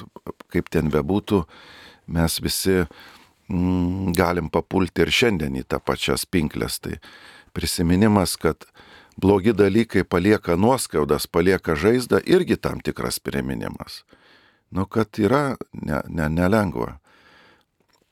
Taip, turime skambutį. Skambina klausytojas Jurgis iš Vilniaus. Klausome jūsų. Garbė Jėzui Kristui. Beramžės. E, norėjau paklausyti dėl šiandien skambėjęs e, e, lošimų tų bendrovių, tos nesąmonės, visas Stepukono praloštų 30 milijonų, 4 milijonus 22 metais pervedė jo sąskaitą, prokuratūra na, nieko neranda, neužkardo, toliau tęsiasi tos nesąmonės ir dėl to stadionų taip toliau esame mulkinami ir aš manau, kad kaip ir alkoholio, narkotikų ir ir tas, tos lošimų bendrovės turėtų būti labai griežtai kontroliuojamas ir jokia reklama turėtų būti negalima. Viena, o ką galvoja bažnyčia šiuo klausimu, kitas dėl e, klausimas dėl Lietuvos, čia Kubiliaus e, Šimonytės praskolintų 7,5 milijardų skolinosi su 9 procentais, mes patyrėm baisius nuostolius ir niekas nieko tai nekalba ir, ir toliau tie, tie skolinimai eina tenai. Taip, tai, ačiū Jums už Jūsų klausimus. Taip. Na, pirmiausia, mielam klausytojui tikrai galima E, nuraminti, kad e, tie dalykai, vat, kurie ši, šį kartą įvyko, tie prasilošimai ir tos siaubingi nuostoliai pinigų yra didžiulė pamoka Lietuvai ir visiems žmonėms turbūt, kurie susiję kažkokiu būdu su tuo, kad mes turime problemą su šitu dalyku ir, ir, ir bankai turės peržiūrėti, pavyzdžiui, kokiu būdu buvo tokios didžiulės pinigų sumos pervedamos ir klausimai gal nekilo. Reiškia. Tai visiems e, ir sistemai įsijungia raudonos lempelės, peržiūrėti ir pačių lošimo, e, to automatų ir lošimo verslo visą situaciją, kaip gali taip atsitikti, kad žmogus e, tokiais pinigais disponuot gali ir pralošti tar jos. Na ir taip pat e, visiems įspėjimas, nu kad dėmesio kokios priklausomybės gali būti baisios, kai įsivelia žmogus į lošimus. Ne, tai šitą situaciją reikia priimti kaip pamoką. Tai galbūt viso šitos istorijos geroji pusė, kad mes tikrai turėsime pamoką. Ir institucijos, ir žmonės, ir visa na, situacija turbūt keisis, jeigu žiūrime į šitą lošimą. Na, o dėl pinigų, kurie buvo skolinti, e, kiek mano žinios leidžia, kad paskui vis dėlto tie buvo perskolintos tos sumos ir visiškai kitomis palūkonomis ir daug geresnėmis, kad mes čia kalbame vis dėlto jau apie labai senus įvykius ir situacija tikrai E, buvo tvarkoma, kiek man žinios leidžia, e, nėra tik tai 2008 metų problema pasiskolinti pinigai. E, vis dėlto jie buvo perskolinti ir palūkanos e, tikrai palankesnės. Kitai žodžiais tariant, nemanau, kad reikia nusiminti, kad visiškai Lietuva prarado. E, mes, jeigu žiūrėtume į Lietuvos ekonomiką, bendrai į situaciją, tai Lietuva vis tiek yra prie sėkmingiausių kraštų priskaitoma, kaip tvarkosi su ekonominiais dalykais, kaip kyla iš tų viso sovietinio palikimo. Mūsų kraštą tikrai reikia vertinti kaip sėkmės istoriją, nes jeigu tu žiūrint pasaulio kontekste, kas per 30 metų pasistatė demokratiją taip, kad gali lyginti su senosiomis Amerikos ar Europos demokratijomis. Tai nenusiminkime Lietuvą, žiūrėkime į pozityvius dalykus. Yra padarytų galbūt klaidų, galbūt nepasisekimų, bet bendrai imant Lietuva yra sėkmės atvejis. Ir man atrodo labai svarbu šitą transliuoti ypač mūsų jaunimui, nes jūs brangiai irgi vat kalbate su jaunais žmonėmis. Jeigu mes tik tai pabrėšim, kad Lietuva pralaimi, nepasisekė, valdžia bloga, tai jaunimas tiesiog paliks šitą kraštą. Emigruos, sakys, jūs tvarkykitės vieni. Ir atvirkščiai, kaip krikščionys, mes turime e, pabrėžti vilties, tikėjimo žinę. Tai ką, tai kur viešpats tada? Tai, tai jis tai vis tiek veikia, padeda ir mes turime statyti tą Lietuvą kartu ir bandyti ieškoti gerų dalykų ir juos pabrėžti. Nes tai labai padeda vilties kultūrai, kuri padeda išlaikyti jaunimą, kas padeda išlaikyti visą kraštą ir jo ekonomiką. Ačiū. Garbėjai Kristui, ar per LRT nesutartumėt dėl kas savaitinės Marijos radio laidelės? Ačiū už puikų gyvybingą atsinaujinimą Marijos radijoje, Dievo palaimas ir Marijos globos. Na, va, ačiū už jūsų meilę Marijos radijui. Tikrai dabar mes kreipsimės į LRT ir prašysimės, e, kad mus įleistų su laidelė. Aš tai sakyčiau, brangieji, iniciatyva vis dėlto kyla iš žmonių, iš visuomenės ir dėl tos pačios LRT na, programos. Juk tai yra visų mūsų e, įrankis, instrumentas. Pavyzdžiui, jeigu Marijos radija yra bažnyčios iniciatyva, tai Lietuvos radijas ir televizija yra mūsų kaip Lietuvos piliečių iniciatyva. Ir kas ten bus transliuojama, kokios laidos bus reitinguojamos, priklauso nuo mūsų kiekvienų. Tai pavyzdžiui, jūs galite kreiptis į LRT ir sakyti, žiūrėkit, mes visi esame mokesčių mokėtojai, tai yra visų mūsų instrumentas radijas, mes labai norėtume šitos laidos, ką jūs manote apie tai. Na ir va, iš visuomenės pasiūlymas gali būti, kad bus apsvarstytas arba bus pakreiptas laidų tinklelis, atsižvelgiant į kitas laidas, kad mūsų e, žmonės, piliečiai tikisi iš nacionalinio transliuotojo tokio pobūdžio laidų. Nu, tai būtų labai graži iniciatyva. Būkite aktyvus siūlymuose. Taip. Ačiū, turime skambutį. Skambina klausytojas Kestutis iš Kupiškio. Klausome jūsų. E, Labą dieną. Labą dieną. E, norėjau arkivyskupą paklausyti, čia matai minėjo, kad reiškia ten e, liktai jehovistai nekrikščionis, nes jie nepripažįsta Jėzaus, e, reiškia dieviškumo, bet atsiminkime, kad yra etijopų, armėnų bažnyčia, kurie nepripažįsta jo kaip žmogaus. Ir dar atsiminkime, kai buvo kadaise arijonai, juk arijonai irgi buvo visiški krikščionis. Germanai pirmieji atėję užkariavę Romos imperijai iš jų priėmė krikščionybę. Tai kažkaip bandoma, tai man atrodo, gudrauti, jeigu jau ne katalikas, tai re, arba ne Bizantijos apygų, tai reiškia ne krikščionis. O, o dar kitas klausimas norėjau pasakyti, jūs paminėjot, sakėt, aš studijavau truputį hebrajų kalbą, tai Adonai Elohim hebrajiškai Adonai yra viešpats. Elohim yra Dievas, čia ne vardas. O tikras vardas yra Jahve, aš kuris esu. Tai kaip Alachas, sakysim, vardas ten irgi iš tų taip, ja, kaip ir mūsų vasų, du vardai yra kestučio, gali būti pavadinimas, žmogus kenčia, bet gali ir vardas būti kestutis. O Adonai Elohim tai yra viešpats Dievas, čia ir bandoma gudrauti, kad čia būk tai kitas Jahvės vardas. Visai ne vardas, tai yra subjekto pavadinimas, kuris yra Dievas. Taip, Dėkui už atsakymą. Ačiū. Ačiū už pa patikslinimą, labai bravo, labai geri komentarai. Tikrai e, norėjau aš pasakyti, kad, nu, vat, galbūt ne, kad viešpats taip vadinamas ir kad tai tie žodžiai yra naudojami viešpaties, e, na, vat, e, apibūdinimui. Nes Tai, žodis Jehova ir susideda iš Jahve ir Adonai balso, balsių su, sulibdyta į, į, tarp priebalsių Jahve sudėtos Adonai žodžio balsas. Tai. taip, jūs visiškai teisus, kad e, e, hebrajų kalboje keli žodžiai buvo apibūdinti viešpačiui.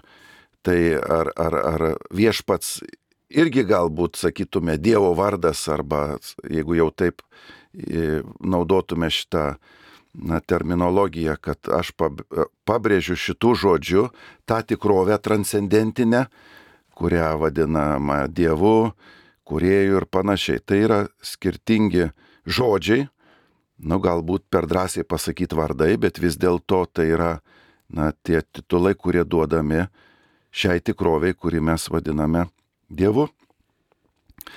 Na, galbūt ir gera pastaba, kad e, taip, krikščionys yra skirtingi ir, ir, ir e, Jehovos liudytojai ta prasme irgi yra skirtingi krikščionys, na bet vis dėlto švenčiausios trejybės neišpažinimas, na yra labai stiprus ženklas. Mes, jeigu jau taip žiūrim, krikščionys e, turi tą vadinamą tikėjimo simbolį, kurį mes kiekvieną sekmanį kartojame. Šito simbolio, e, na, datavimas yra 300 metai, kada jisai buvo suformuotas ir krikščionys jo laikosi. Jie pagal tai atpažįstami kaip tie, kurie išpažįsta Kristų. Aš mm, sakyčiau, kad vis dėlto, na, Jehovos liudytojai daug toliau, sakykime, nutolę nuo šito sampratos negu visi kiti, kad krikščionys skirtingi įvairiais išpažinimo akcentais, tas yra tiesa, bet atrodo, kad e, šitas Jehovos liudytojų tikėjimo skirtumas vis dėlto yra pakankamai didelis, kad galima sakyti, kad, na, mes turime didelių abejonių krikščioniško tikėjimo atžvilgiu. Taip, ačiū. Dabar turime kitą klausimą. Ar galima, ar nenuodėme prieiti ligonių sakramento bei išpažinties per ligonių dieną? E, Ar galima sergant nesunkiomis, lėtinėmis, varginančiomis lygomis priimti ligonių sakramentą? E, Bažnyčia tikrai sudaro sąlygas prieiti ligonių sakramento, ypač per tą vadinamą bendruomeninį ligonių sakramento šventimą. Tai tokiais atvejais yra kviečiami e, žmonės ir tie, kurie galbūt sunkių lygų neturi, e, bet ateina šito sakramento kaip, e, nu, vat, pagalbos ir toms nesunkioms lygoms. Tai bažnyčios gailestingumo tarnystė, sakanti, kad mes laukiame jūsų, melžiamės už jūs ir norime e, pakviesti ir tokiu e, atžvilgiu, būtent, na, kai jau ligonio diena bendruominis ligonių sakramentas švenčiamas. Bet šiaip ligonių sakramentą švenčiame su sąlygomis, kurios yra bažnyčios nustatytos. Tai turi būti rimta lyga, grėsmė gyvybei, didelis išbandymas, ypač pavyzdžiui, kada rengiasi žmogus operacijai, kai gali grėsti ir gyvybei e, dalykai. Tai tokiu atveju tikrai yra rekomenduojama, o kad sakramentas veiktų, sakytume, paliestų žmogaus širdį, reikalingas malonės stovis, pašvenčiamos malonės stovis. Tai galina išpažinties sakramentas, paruošia širdį dvasiškai, nes jeigu žmogaus širdis atvira, jis nėra viešpati su juo santykiai atviram, Nu, tai sakramentų veikimas e, tam tikra prasme užtvenkiamas tai maloniai ir todėl reikalingas bažnyčios rekomenduojamas ir išpažinties sakramentas, ir ligonio prieimim, sakramento prieimas einantis kartu. Tie, kurie einate ligonių dieną, vėliau galite atlikti išpažinti su ta sąlyga, kad viešpačia aš noriu priimti ir sakramentą, bet priimsiu ir išpažinti vėliau. Arba priimti anksčiau. Tai nebūtinai tą pačią dieną, bet troškimas bažnyčios, kad būtume malonė stovyje, kad sakramentų malonė veiktų pilnai ir galingai. Ačiū, dar mums paskambino. Skambina klausytoja Teresė iš Kauno. Garbėzui Kristai. Per Aš, aš norėjau paklausti, labai džiugu laidoje girdėti arkivyskupą ir norėjau paklausti, ar neįmanoma turėti reguliaraus grįžtamo ryšto, ryšio kanalo bažnyčios. Dabar labai populiarus sinodiškumas. E, Pasitaiko klausimų, kurių negali atsakyti joks konkretus kunigas ar klebonas. Ar būtų galima tos klausimus, gal Marijos radės galėtų juos iš anksto perspėjęs rinkti, ar, ar nuolat kažkur galėtum jį užduoti ir periodiškai kas kelis mėnesius galėtų per radiją atsakyti kažkoks bažnyčios vardu atstovas, ar galbūt galėtų elektroninis paštas ar, ar Facebook'o svetainė atsakyti bažnyčios vardu tikintiesiems, nes kartais pasitaiko klausimų, kuriuos gali tik visai Lietuvos bažnyčiai užduoti ir niekas jų niekada neatsako. Ačiū Jums. Na, mėla klausytoja, pirmiausia, tai labai norim Jums padėkoti. Va taip gimsta Marijos radijas. Tai yra bendruomeninė iniciatyva ir Jūsų pasiūlymas tikrai iš ties labai įdomus. Laidos rubrika galėtų vadintis Klausimai vyskupui. Na ir jie, jeigu renkasi, e, kartu įvairiais kanalais, e, na, kaip sakant, surenkami, galbūt galėtų būti ir laida tokio pobūdžio. E, Čia Marijos radio be, komanda pagalvos, išgirdo, manau, tą klausimą ir, ir, ir, ir ras formatą. Tai labai labai ačiū, tikrai. Vat, čia mes matome, kaip gimė visas Marijos radio laidų tinklelis. Kažkada kažkas kažką pasiūlė, e, parekomendavo ir tada žiūrėk programa susistatė. Nu va, tai mes matome, kaip gimsta radio programa. Tai labai labai jums ačiū. Ir atliepiant į tą pasiūlymą, galbūt galima vat, ir iš karto vat, e, mums e, parodyti, kaip vyksta darbas Marijos radio. Va, tarkim, galime aptarti dabar visi kartu susėdę pasiūlymas ir mano mintyje, tai e, tarkim, išgirdus e, visai įdomus ir geras pasiūlymas, e, galbūt galėtų kartą per mėnesį ar kas šešias savaitės būti klaus drąsiai su arkivyskupu ir per tą laiką jūs mums rašytumėt klausimus, siūstumėt, galėtų redakcija rinkti ir perduoti arkivyskupui ir, tarkim, pasiruoštų į tuos klausimus atsakyti ir laidos metu taip pat dar būtų galima užduoti, ar ne, ganyt, va taip, kaip jums atrodo, arkivyskupė kestutį toks variantas. Tai va čia vyskupo dalė, kur tik tai eina, tenai gauna darbą kokį nors. Nu tai čia mūsų visų dalė, sakė duona gaus bro, braukdamas prakaitą. Taip.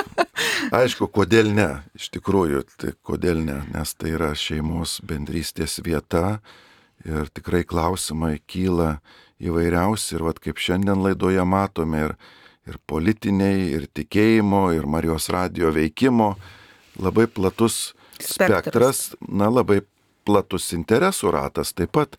Ir mes labai dėkojam klausytojams, kad jūs tikrai, na, įvairiausiais klausimais, nuo techninių apie druskininkų gatvę palangoje, aš dabar ją susidomėjau, kur jinai yra įdomu, iki to, kaip tikrai va čia veikia, na ir, ir mūsų bažnyčioje, e, vat, sakramentų malonė pagaliau, kuri, va čia tik ką buvęs klausimas kalba. Tai nuoširdžiai dėkojom, rangus klausytojai, toks tikrai šeimos jausmas. Susėdom prie stalo, kalbamės, temos įvairiausios, o jų e, nuotaika bendrystė. Iš tikrųjų mes jaučiam, Taip. kad mes esam šeima, kad mes visi esam labai panašus. tai ir šiek tiek susijaudinam ir, ir kartais nuliūstam, bet žiūrėk vėl pradžiungam, vėl vieni kitus padrasinam. Nu tai tikrai simpatiška, o mažam kraštui tas susėdimas prie stalo tokio nedidelio ir pasikalbėjimas, nu aš manau labai į sveikatą. Tai labai aš dėkoju ir šiandien Marijos radijo komandai ir, ir, ir direktoriui ir prezidentė už pakvietimą, administratoriai už tokį gražų nuoširdų darbą. Man iš šono kaip ganytojui žiūrint į šitą iniciatyvą nukyla toks e, dėkingumo Dievui jausmas. Šiaip susižavėjimas, tiesą sakant, nes tu matai pastangą, tu matai tų žmonių širdį, kaip jie stengiasi. Taip, riboti mes visi, tai užlenkiam į vieną, tai kitą pusę, kartais galim gal ir šiek tiek, na, nusikalbėti, jeigu taip jau liaudiškai kalbėti. Bet tai kas čia tokio? Šeimoje visko būna. Vieni kitus pataisom, vieni kitus padrasinam, e, pasakom, kad žiūrėk, aš nesutinku su tuo, įsprendžiam klausimą ir tampame pavyzdžių tai platesniai visuomeniai. Žiūrėk, kaip tie krikščionys šnekas, kaip jie sutarė, pagaliau kaip jie vienas kitą myli. Tai čia yra liūdimas. Tai brangiai mes Marijos radijo šeimos prasme galime tapti tuo liūdėjimu tai dideliai mūsų tėvinė šeimai. Ir jeigu mums gražiai sekasi bendrauti, nu tai reiškia lietuviam sekas bendrauti, kurie mūsų klausysis galbūt atsitiktinai, pajus tą nuotaiką ir žiūrėk, prisijungs prie šeimos, atras tikėjimą. Apie tai Marijos radio misija. Ir svarbiausia, kad mus visus jungia e, labai stiprus pamatas, Dievo žodis, ar ne? Ir tarkim, čia buvo toks klausimas, e, labai irgi e, gražus klausimas, o kas jums iš Evangelijos, kuri vieta labiausiai patinka? Tai aš galiu pasidalinti, mane visą laiką žavi ta vieta, kai Jėzus Kristus prisikelia ir susitinka su Emauso mokiniais, kurie keliauja į Emausą. E, jie keliauja e, į, į tos dienos e, sekančią dieną ir jie eina į kaitę, tiesiog turbūt ten vyksta nu kalba, kur toj kalboje visko yra, nes jų viešpats nukryžiuotas ir visa vyresnybė prieš jį sukilusi. E, Jeruzalė didžiausias triukšmas ir įvykiai sukrėtė visą Jeruzalę. Ir jie eina tiesiog iš Jemaus, ir jie ten turbūt ir smerkia, ir nesmerkia, nu, tur, nu iš žmonės, ar ne, visko ten yra. Ir štai prieina prie jų Jėzus. Jis, jie jo net pažįsta. Ir jisai klausė, apie ką kalbatės. Ir jie net sustoja iš nuostabos, žiūri jį, tai kaip tu čia vienintelis nežinai, kas įvyko. Ir man va šita vieta uh, Jėzos labai graži. O jisai sako, o kasgi? čia jie verda, čia viskas verda, o jisai, o kasgi? Ir tada jisai pradeda pasakot įvykius e, kurie yra prašyti šventajame rašte. Tai va, tai man tai toks mes mus turi visą laiką būti va, tas Dievo žodis, ką jis ir daro, o visi įvykiai, kurie vyksta, turi eiti turbūt per tą klausimą, ką mums ir paliko Jėzus, kad o kasgi, kas čia įvyko tokio, kad jūs čia dabar visi drebat, ar ne, o kasgi. Nieko nevyko, kas neprašyta šventajame rašte.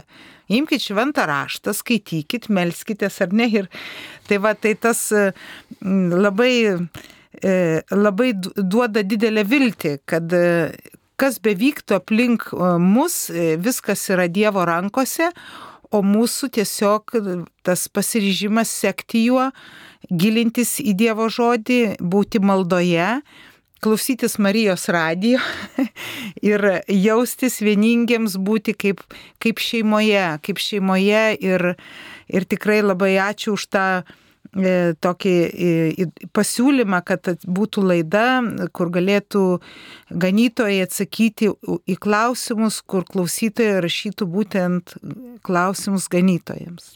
Ačiū, turime skambutį. Skambina klausytoja Marija iš Vilniaus. Jėzui Kristui. Pasinaudoju kaip šeimos narė ir noriu pirmiausia, tai padėkoti už Marijos, aišku, radiją atsinaujinimą ir dabar tuo pačiu noriu apie numerį 12, 1223 aukoja, kada aukojau. Kada aš pirmą kartą išgirdau, reiškia, aš aukojau ir išgirdau mūsų mylimų dabar arkivyskupo Kestučio, kuris dabar dalyvauja balsą, aš tiesiog nežinau, su manim vyko kažkas ir kokia aš buvau laiminga ir dabar esu laiminga, aš dabar girdžiu tiesiogiai, šiuo metu apsirgusi esu namuose sėdžiu ir aš galiu kiekvieną kartą aukodama išgirsti šitą mielą balsą mūsų mylimo arkivyskupo Kestučio. Tai labai noriu padėkoti visiems ir ypatingai mūsų arkivyskupui Kestučiui Kievalui. Tada mane, tegu visi žino, kad reikia palaukti truputėlį ir tada laiminimą išgirsti, kaip yra malonu, kada negali išeiti ir tu girdi, tave laimina, gražų žodžiai, visa kita. Ir atrodo, jau mano kambarį kažkur nušvinta viskas. Tai tiek noriu pasakyti, o kitką vėliau kada nors. Mhm. A, čia tik numeris 1623, taip.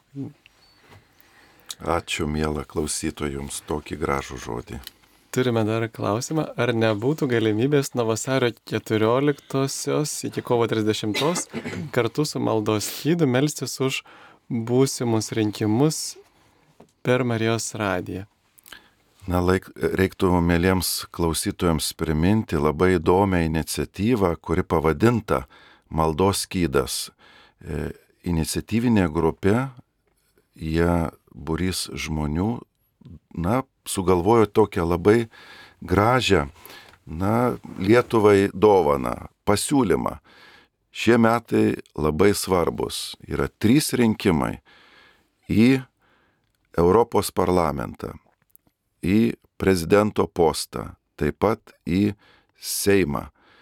Ir mes kaip krikščionys esame žmonės, kurie atsakingi už mūsų kraštą, kaip aktyvūs piliečiai turime taip pat ir maldos pareigą. Jeigu kai kurie broliai ir seserys nežino tos reikšmės, tai mes kaip krikščionys žinome, kad tai yra neįtikėtinai svarbus krikščioniškas e, gailestingumo darbas. Kodėl nuo vasario 14 iki 30, tai būtent tai yra gavėnios laikas. Gavėnė kvietimas į maldą. Ir jeigu kas nors jungtumėtės į šią iniciatyvą, labai kviečiame, bus tiesioginės transliacijos pirmadieniais, beros 19 val. bus 19.30 19 per internetą. Taip. taip, bus įvairios paskaitos ir kartu malda. Nu ir Marijos radijas, aš manau, kad ir retransliuos galbūt kai kurias iš tų paskaitų. Na, o dėl maldos, tai čia yra pasiūlymas pasvarstymui, galbūt tą maldą, kurią kviečia ši grupė melstis, būtų galima įkomponuoti į Marijos radijo e, maldos tinklelį kokioj nors dienos vietoje ir taip pat primenant gavėnios metu pareigą melstis, o ir taip pat popiežiaus iniciatyvą apie maldos metus, šią intenciją už Lietuvos e, rinkimus ir taip pat Lietuvos valstybę pasimelsti. Ir e, e, labai mes džiaugiamės, kad e, yra grupė, kuri kviečia į maldą, jie, turi, jie kviečia per internetu, tai bus 19.30, jie turi savo tinklelį ir, ir tai yra viena grupė, mes labai kviečiame, kad daugiau jų atsirastų ten, tarkim, a, a, mes turime ne vieną krikščioniško, krikščioniškų susibūrimų grupės, tarkime, motinos maldoje, galbūt gali kažkokia irgi akcija organizuoti, kita. Ir tai yra labai gražu, tai yra e, gražios iniciatyvos. Kas liečia Marijos radiją, Tai gavėnios laikė mes irgi plečiame maldą ir penktadieniais bus transliuojami Kalvarijos kalnai iš telšių bus nuo 15.30 iki 16 val. bus gėdami kalnai.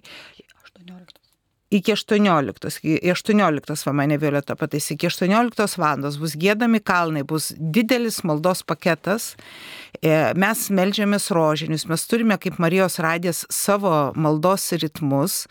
Ir e, mes galėsime, tarkime, prieš rožinio maldą įdėti tas intencijas, tarkime, kad melžiamės už tą, ką organizuoja vat, šita maldos iniciatyva, už tėvynę Lietuvą, už tą ir už tą. Mes galime tikrai tą dalyką įdėti.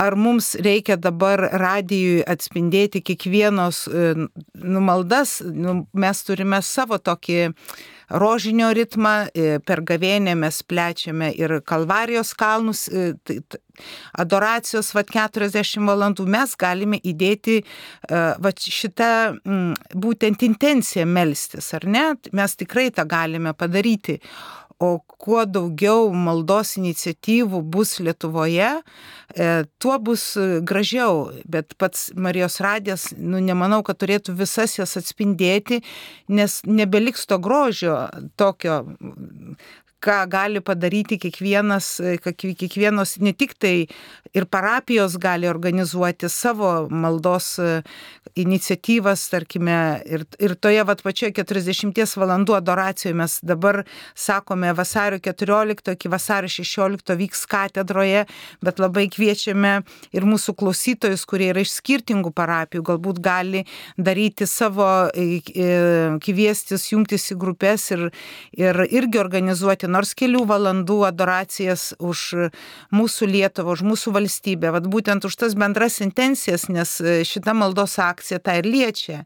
Už Lietuvą, už valstybę, už Seimo narius, už rinkimus, už, už bendrą gėrį. Tai labai toks graži iniciatyva, bet kartu ir, ir kviečiame kad plėstumėm ir adoracijas savo parapijose, bažnyčiose, nes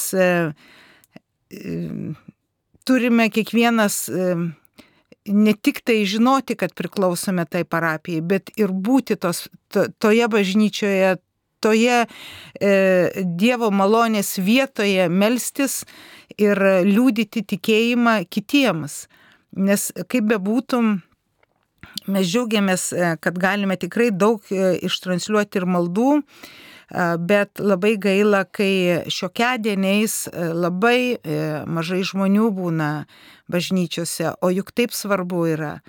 Ir tai yra pati, pati didžiausia iniciatyva atsirasti kiekvienam, kiekvieną dieną šventosiuose mišiuose. Tai būtų pati, kaip sakyt, ir, ir melstis tų mišių metu už už Lietuvą, už, už, už save, už savo šeimą, už savo parapiją, už savo kunigą, už pašaukimus ir tikrai, tikrai labai labai kviečiame, suraskime to pasiryžimo atsirasti, nes žinot, kodėl taip irgi, nu, mes šnekamės kaip šeimoje, pas mus ir mes sutinkam, patys ateina pas mus kunigai į laidas ir mes patys nuvykstam į kitas parapijas ir tikrai tu girdi, kaip kunigai dalinasi, mes sakome, nėra pašaukimų, bet tie patys kunigai, kuriuos turime ir jie sako, šiokiadienį aš vienas aukoju mišės, ar ne, iš vis nieko nėra, ar ne. Tai yra nu, didelis liūdėsys ir didelis skausmas, nes taip neturėtų būti. Nes turim didelę malonę turėti bažnyčias. Tai šalia visų iniciatyvų Marijos radės dar kviečia irgi vieną iniciatyvą gavėnios laikų. Maksimaliai kiek galim, kiek pajėgiam, atsiraskime bažnyčioje ne tik sekmadieniais, bet ir šiokiadieniais. Ir ne kas antrą šiokiadienį, bet kiekvieną, kiekvieną. Tai irgi būtų tokia, toks pastiprinimas ir jums patiems, ir, ir Lietuvai, ir, ir už taiką, ir už visą bendrą gėrį. Taip, šventoji Faustina irgi vis sakydavo, kad jeigu Jėzų tu mane nestiprintum kasdienio komuniją, aš ne, nepajėgčiau jokių savo kovų laimėti, tai kada priimam komuniją kasdien, tai Jėzus yra su mumis ir kovojo mūsų kovas. Dar turime skambutį. Skambina klausytoja Genovaitė iš Vilniaus. Klausome jūsų. Aš, aš noriu pareikšti nuoširdžiausią padėką Dievui, Dievuliai, už arkivyskupą, už vyskupą kestutį. Ačiū Dievui, kad yra toks vyskupas Lietuvoje, kurio balsą išgirdus atsigauna širdis, mes labai mylim Mano visa šeima myli Marijos radiją, aš pati dieną naktį ją klausau ir labai dėkoju gerbdama viską, kad prisiminė ant dar kartą druskininkų gatvę, kuri yra trijų brolių, toj pat čia niekas neužstoja. Gal tikrai girdėsim ir ten ją.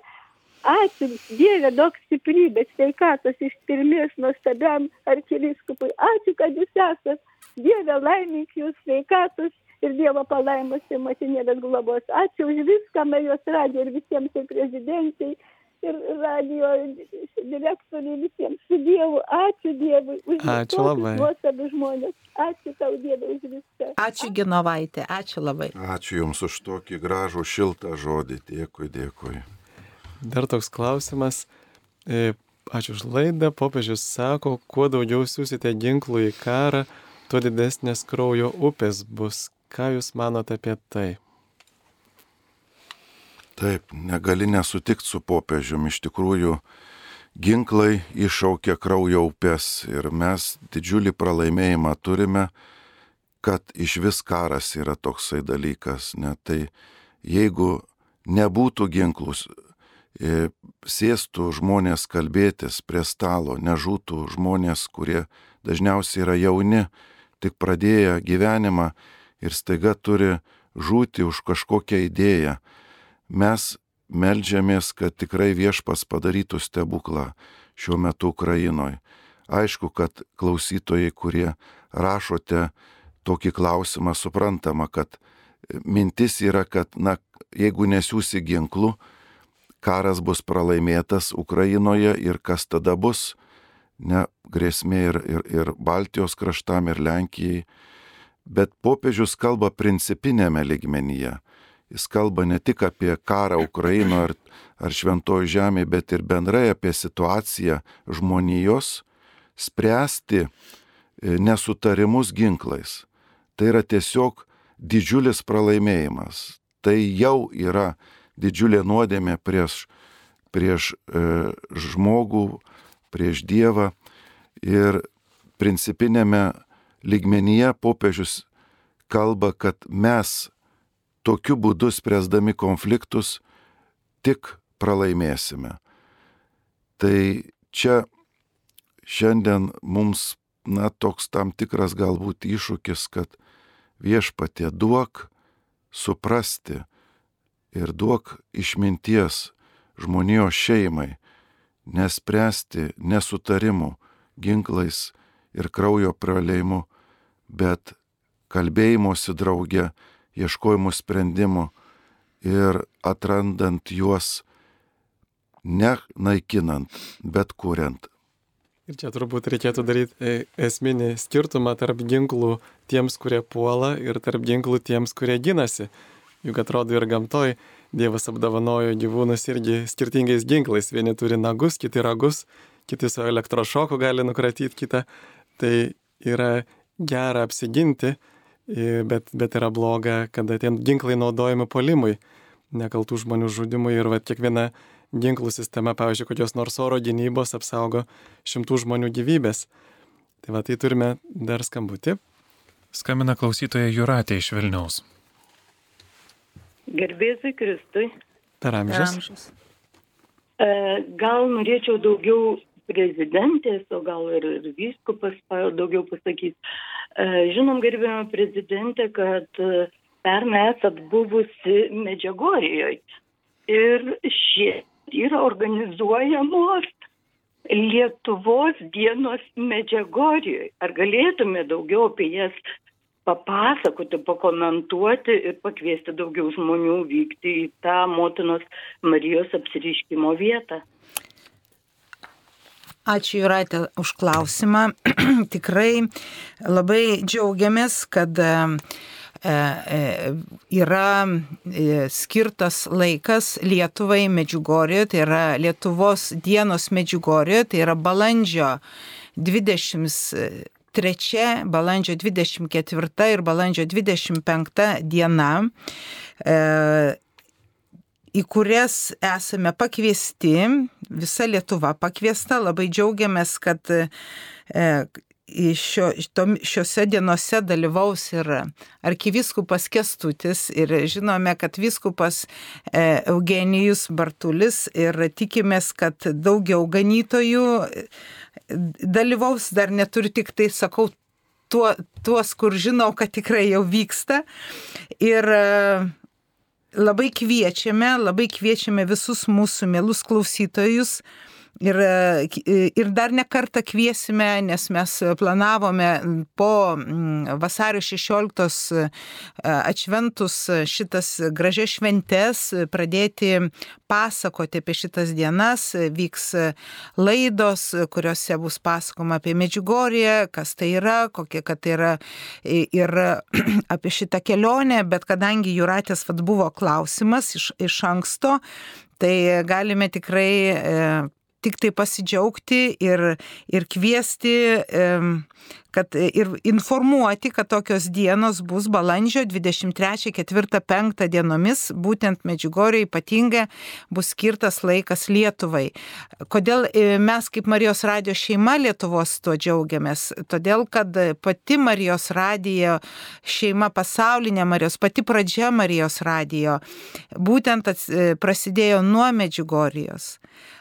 Nuo, e, jau kaip ne vieną kartą esame pasakojo laidoje, kad e, e, Dievas vat, pasirinko žmonės, per kuriuos vyko Marijos radijo plėtra visame pasaulyje, o prasidėjo jinai nuo Italijos. Tai yra Medžiugorioje meldėsi italų verslininkas, šviesiem atmintis prieš keletą metų iškeliavo pas dangišką į tėvą ir Jis palikęs didelius darbus padarytus, bet e, maždaug kaip prieš daugiau negu 30 metų meldėsi Medžiugorijoje su klausimu, kuo jis gali būti naudingas su savo patirtimi.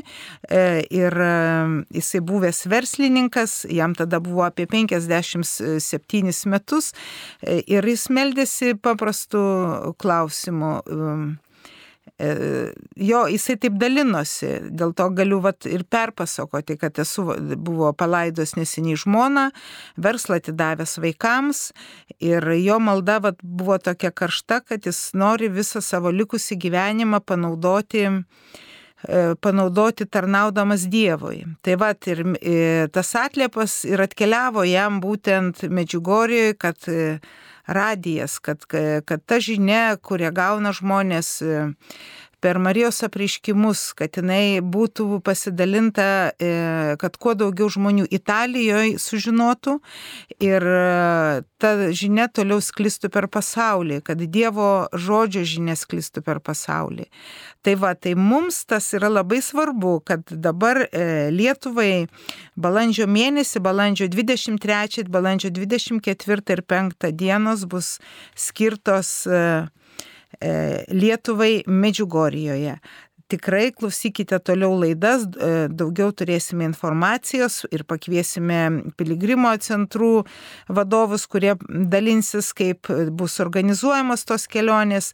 Bet šią dieną galima tik tai drąsiai sakyti datas, o arkiviskupas gal irgi pasidalintų savo patirtimą apie Medžiugorį. Žinau, kad esat irgi buvęs ir, ir nekartą. Unikali maldos vieta, kuri traukia tiesiog jau dabar milijonų žmonių iš viso pasaulio.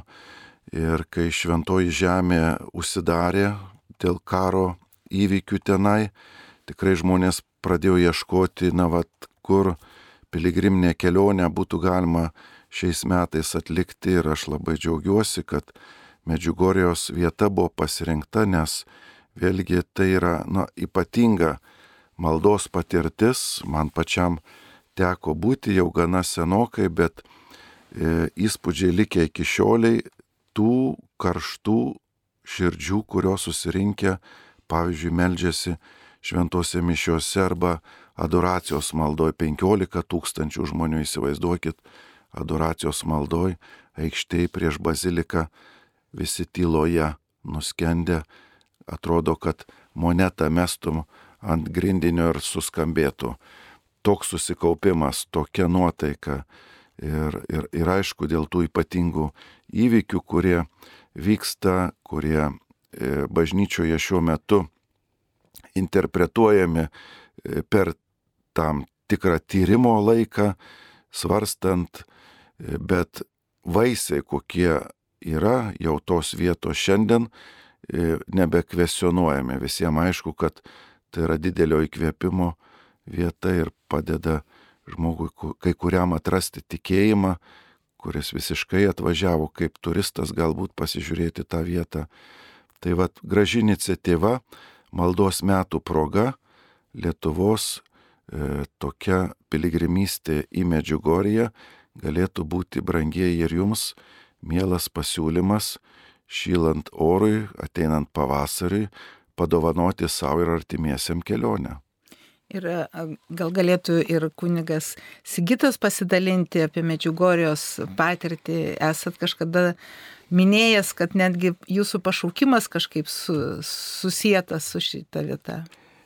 Taip, iš tiesų esu buvęs tris kartus Medžiugorėje, bet e, pirmą kartą mane užkabino būtent Kestučio Trimoko knyga su pranešimais ir ypatingai vienas, kad e, vienas pranešimas, kad Dievas turi planą kiekvienam žmogui, bet jį galima atrasti tik tai per maldą. Ir aš tada pradėjau melstį, koks Dieve tavo planas. Ir kaip tik atėjo Velykos ir, ir tą Velykų rytą tiesiog tokį, na, patyriau tokį supratimą, kuris paskui manęs neapleido ten keliolika metų. Vėliau, kol apsisprendžiau būti kunigu, kad Dievas šaukia būti kunigu ir kad kunigystė išsipildys giliausi troškimai, nors mano giliausias troškimas kažkada buvo sukurti šeimą, turėti daug vaikų. Ir kodėl mes kalbam drąsiai apie Medžiugorę, tai ne tik todėl, kad ten jau 30 milijonų yra apsilankę ir po milijoną kasmet nuvyksta į kaimelį su 4000 gyventojų, bet ir kad jau šiemet sukanka 10 metų po paskutinės e, tyrimų komisijos išvadų. 2014 metais baigė darbą tokia kardinolo Ruini komisija, kurią įsteigė popiežius Benediktas XVI. Ji buvo jau ta paskutinė komisija, ji turėjo visus visus dokumentus, visus duomenis apie Medžiugorę ir jos buvo tokios išvados, va, kaip žiniasklaida buvo paskelbusi, kad pirmą, kad nerasta apgaulės, nors tiesa, vienas regėtojas galbūt galėjo pasiduoti pagundai pinigų, e, bet apskritai nerasta apgaulės regėtojai tikrai visi yra nuoširdus, daugiau yra gerų vaisių ir taip pat, kad nėra demoniškos kilmės. Tai buvo tyrimo komisijos išvada, tai nėra demoniškos kilmės. Taip pat yra įvykę apskritai moksliniai tyrimai tų regėtojų ir pirmą kartą istorijoje jie galėjo būti tokie vykdomi, nes apsireiškimai vykdavo tuo pačiu laiku 1840 ir tuomet galėjo juos tirti mokslininkai ir matė, kad Pavyzdžiui, jų visų šešių pulsas tą pačią sekundę, kada įvyksta apsireiškimas, staiga padidėja 30 procentų. Ir staiga, kada baigėsi apsireiškimas, jų visų šešių pulsas sumažėja 30 procentų. Arba pavyzdžiui, kad e, jie visi tuo metu patenka į ekstazę, kur juos gali badyti, gali su šviesa kažkaip bandyti paveikti ir jie į nieką nereaguoja. Ir taip pat buvo ir tyrimai, įvairūs teologiniai tyrimai E, buvo irgi nustatyta, kad ta žinia neprieštarauja bažnyčios mokymai, e, atitinka bažnyčios mokymą, kad, na, kitaip sakant, net jeigu ir tai būtų ne iš Dievo, tie visi pranešimai, jie tobulai dera su bažnyčios mokymu. Jie tikrai jokios e, žalos nedaro, bet duoda teigiamų vaisių. Ir daug buvo rekomendacijų, kelios rekomendacijos, ir jos jau dalis yra įvykdyta, tos komisijos rekomendacijų buvo nuimta atsakomybė nuo vietos vyskupo ir perduota dabar popžiaus specialusis pasiuntinys tenais yra, priklauso Vatikano e, jurisdikcijai, taip pat, e, kad e, e būtų nuimtas draudimas organizuoti keliones, tai irgi jau, man atrodo, 2019, jeigu neklystu, gegužės 15, gegužės 12, va, kai tik Fatimos apsiriškimo išvakarėse nuimtas draudimas, leidžiama net viskupams organizuoti keliones į Medžiugorę ir laukiame, kada popiežius e, priims va tą pasiūlymą. Vėlgi tai buvo tik tai patariamojo pobūdžio komisija, bet 13 iš 15 narių, nu pradiškai absoliuti dauguma balsavo, kad pirmi septyni apsiriškimai būtų pripažinti ant gamtiniais. Kitus tiesiog apie juos nejo kalba, jie netyrė kitų, nes dar per anksti jie dar vyksta, bet pirmi septyni, kad būtų pripažinti ant gamtiniais. Ir paskui, kadangi jau keletą metų e, niekaip e, nepriėmė Vatikanas sprendimo, du žurnalistai nutekino tą ataskaitą ir išleido oficialiai kaip atskiras knygas. Galima nusipirkti e, knygas, itališkai yra du žurnalistai, Severijo Gaeta ir, ir kitas, pamiršojo vardą, ir galima paskaityti visą raportą. Ir taip pat galime džiaugtis, kad lietuvių kalba turime išleistą knygą, kurią greitai pradėsime skaityti per Marijos radiją 16.20 Mano širdis triumfuos. Ir tos knygos įvadą parašė arkiviskupas Gintaras Grušas. Taip pat jis ten pasakoja ir apie savo patirtį Medžiugorėje ir, jo, ir to irgi įtaką jo pašaukimui. Ir taip pat galim džiaugtis, kad per Marijos radiją mes reguliariai turime transliacijas iš įvairių mergelės Marijos apsireiškimų vietų. Va pavyzdžiui, pirmadienį turėsime transliaciją iš e, Lurdo. Lurdo. 17 val. Iš Medžiagorės taip pat turėjome birželio 25, tai va, galime ir mes keliauti, nors dvasiniu būdu po šventovės. O jūs gal galėtumėte daugiau informacijos pasakyti, kaip čia galima prisijungti, tik atsiprašau, va dar turime skambutį. Taip. Skamina klausytoja Regina iš Plungės. Klausome. Garbėjai Kristui. Per amžius. Dabar norėčiau tokį pasidalinti tokį, tokį pasiklausimų. Kodėl puolamas kunigas, kuris pasakė, kad balsuotų už tą kandidatą, reikia ne jį smerkti, o šaukti visų garsų. Taip kaip nuo jau 40 metų mūsų gerbiamas vyskupas Kauneckas šneka pamokslus koks nuostabus pamokslas buvo sausio 13. Ar klausosi tauta, bet tik tai šneka nesąmonės ir nežiūri, nežiūri normalių laidų, o tik žiūri slaviškus filmus. O kaip žurnalistas, kurio žurnalistas įkiškasi į arkivyskupo teisės, kur važiuoja, kiek kainuoja bilietai, iš kur pinigai, Nu, ar nereikia tokį mesti jau per tvorą, dabar nelaukus nei karo? Ačiū. Turime aukščiausią įteisėją ir tegul teisę. Ačiū, mėla klausytoja, už jūsų pastabą ir klausimą. Iš tikrųjų, kiekvienas žmogus turi teisę turėti savo nuomonę, tame tarp ir kunigas. Tik tai pagal bažnyčios tvarką kunigas dėl bendruomenės ir vienybės negali tos nuomonės e, viešai skelbti bažnyčioje, ypač pamaldų metu, dėl to, kad nėra galbūt e, tas tikslas, o kitas dalykas, vėlgi, bažnyčia pripažįsta, kad žmonės gali turėti įvairias nuomonės, tame tarp ir apie prezidentą, apie Seimą, apie partijas. Yra šita bendruomenė, na, jungianti visus įvairių sričių ir pobūdžių žmonės. Tai kunigo e, nuomonė, kad jisai turi tikrai nėra trūkumas ir, ir tas yra gerai, kad žmogus politiškai apsisprendęs, reiškia pažįsta, žino, tik tai forma turi būti dvasininkai atsargus, nes vėlgi tai yra bažnyčios tvarka ir jinai nėra tik tai Lietuvoje, yra visame pasaulyje, tai yra kaip sakant, tam tikros gailės, kurių kunigai turi laikytis. Kartais spontaniškai kunigui, vat, kaip ir jūsų minėtam atveju, jis prūsta, kaip jis pats ir sakė. Na kągi, visko atsitinka, nesudramatinkim, nepadarykim čia gal kažkokios didelės įtampos dėl to. Jisai atsiprašė, jis pasakė, kad galbūt e, pernelyg impulsyviai sureagavo ir pasakė, bet tai nereiškia, kad tai yra toks blogis, dėl kurio turėtume kelt vėją, jūs teisi, kad, kad, bet pasimokinti. Mums visiems tai buvo pamoka, kad būtume atsargesni toje bendruomenėje, kuri, na, susirinko, tiesą sakant, kitam tikslui. Taigi. Tai va, mums liko penkios minutės, gal dar vieną klausimą galėtume paimti. Ar yra tokių nuodėmių, kurio, kurių negali atleisti kunigas ir reikėtų kreiptis į vyskupą. Taip, yra sąrašas nuodėmių, kurios, na tiesą sakant, jau kunigas to negali padaryti, tai ypatingai, ypatingai susijęs su tokiais rimtais e, pažeidimais. Tai pavyzdžiui, apostazijos, erezijos ar hizmos klausimas, kada žmogus tikrai atkrenta nuo tikėjimo ir skelbia visiškai priešingą tikėjimo žinę, kada yra išniekimas švenčiausiasis sakramentas, net tada jau reikalingas specialus e, Romos, na, e, leidimas, sakytume, atleisti tokią nuodėmę, tada taip pat pasikesinimas prieš popiežių ar vyskupus, taip pat e, jeigu kunigas yra bendrininkas, pažeidžiant šeštąjį e, dekalogo įstatymą,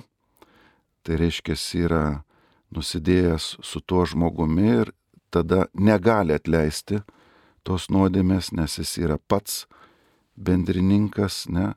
Jeigu vyskupas šventina kitą vyskupą e, be šventojo sosto sutikimo, taip pat yra e, pažeidimas.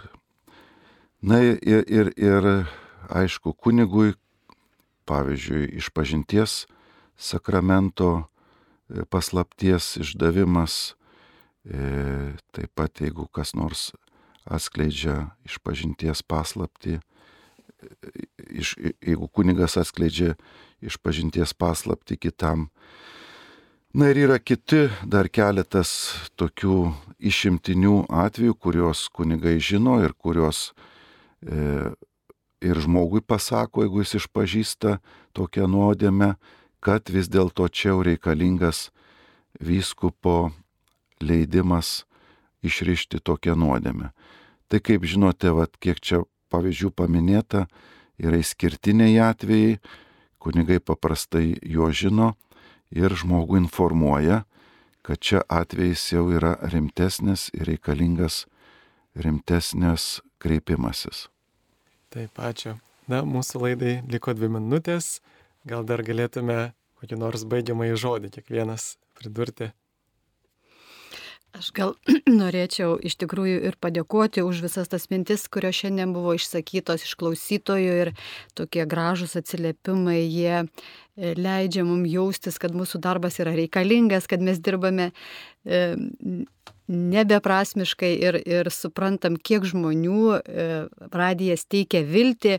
Ir taip pat noriu pasidalinti, kad mes turime ne tik kasdienės ir kas mėnesio kažkokias sąnaudas ir išlaidas, bet taip pat turime ir svajonių, mes norime atnaujinti Vilniaus radijos studiją, kuri yra e, pultas jau tikriausiai daugiau negu 20 metų, ar ne, nes jis jau buvo padovanotas italų, jau turbūt naudotas, ar ne? Nu taip, e, kaip pasakyti, ten yra, e, jie yra kantrus Vilniaus studijos, mūsų mėly darbuotojai, mes jiems žadam, kad visą laiką e, tikrai artėja ta eilė, kada bus ir Vilniaus studija atnaujinta atnaujinta, bet tam reikia susitaupyti pinigėlių. Tai va, tai va tokia turim dar svajonių, reikia ir, ir kilnojamą įrangą atnaujinti, tai va čia vis, vis tokia ir žinoma e, tikimės jūsų paramos ir jeigu esam reikalingi, tai tikimės, kad tos paramos ir sulauksim.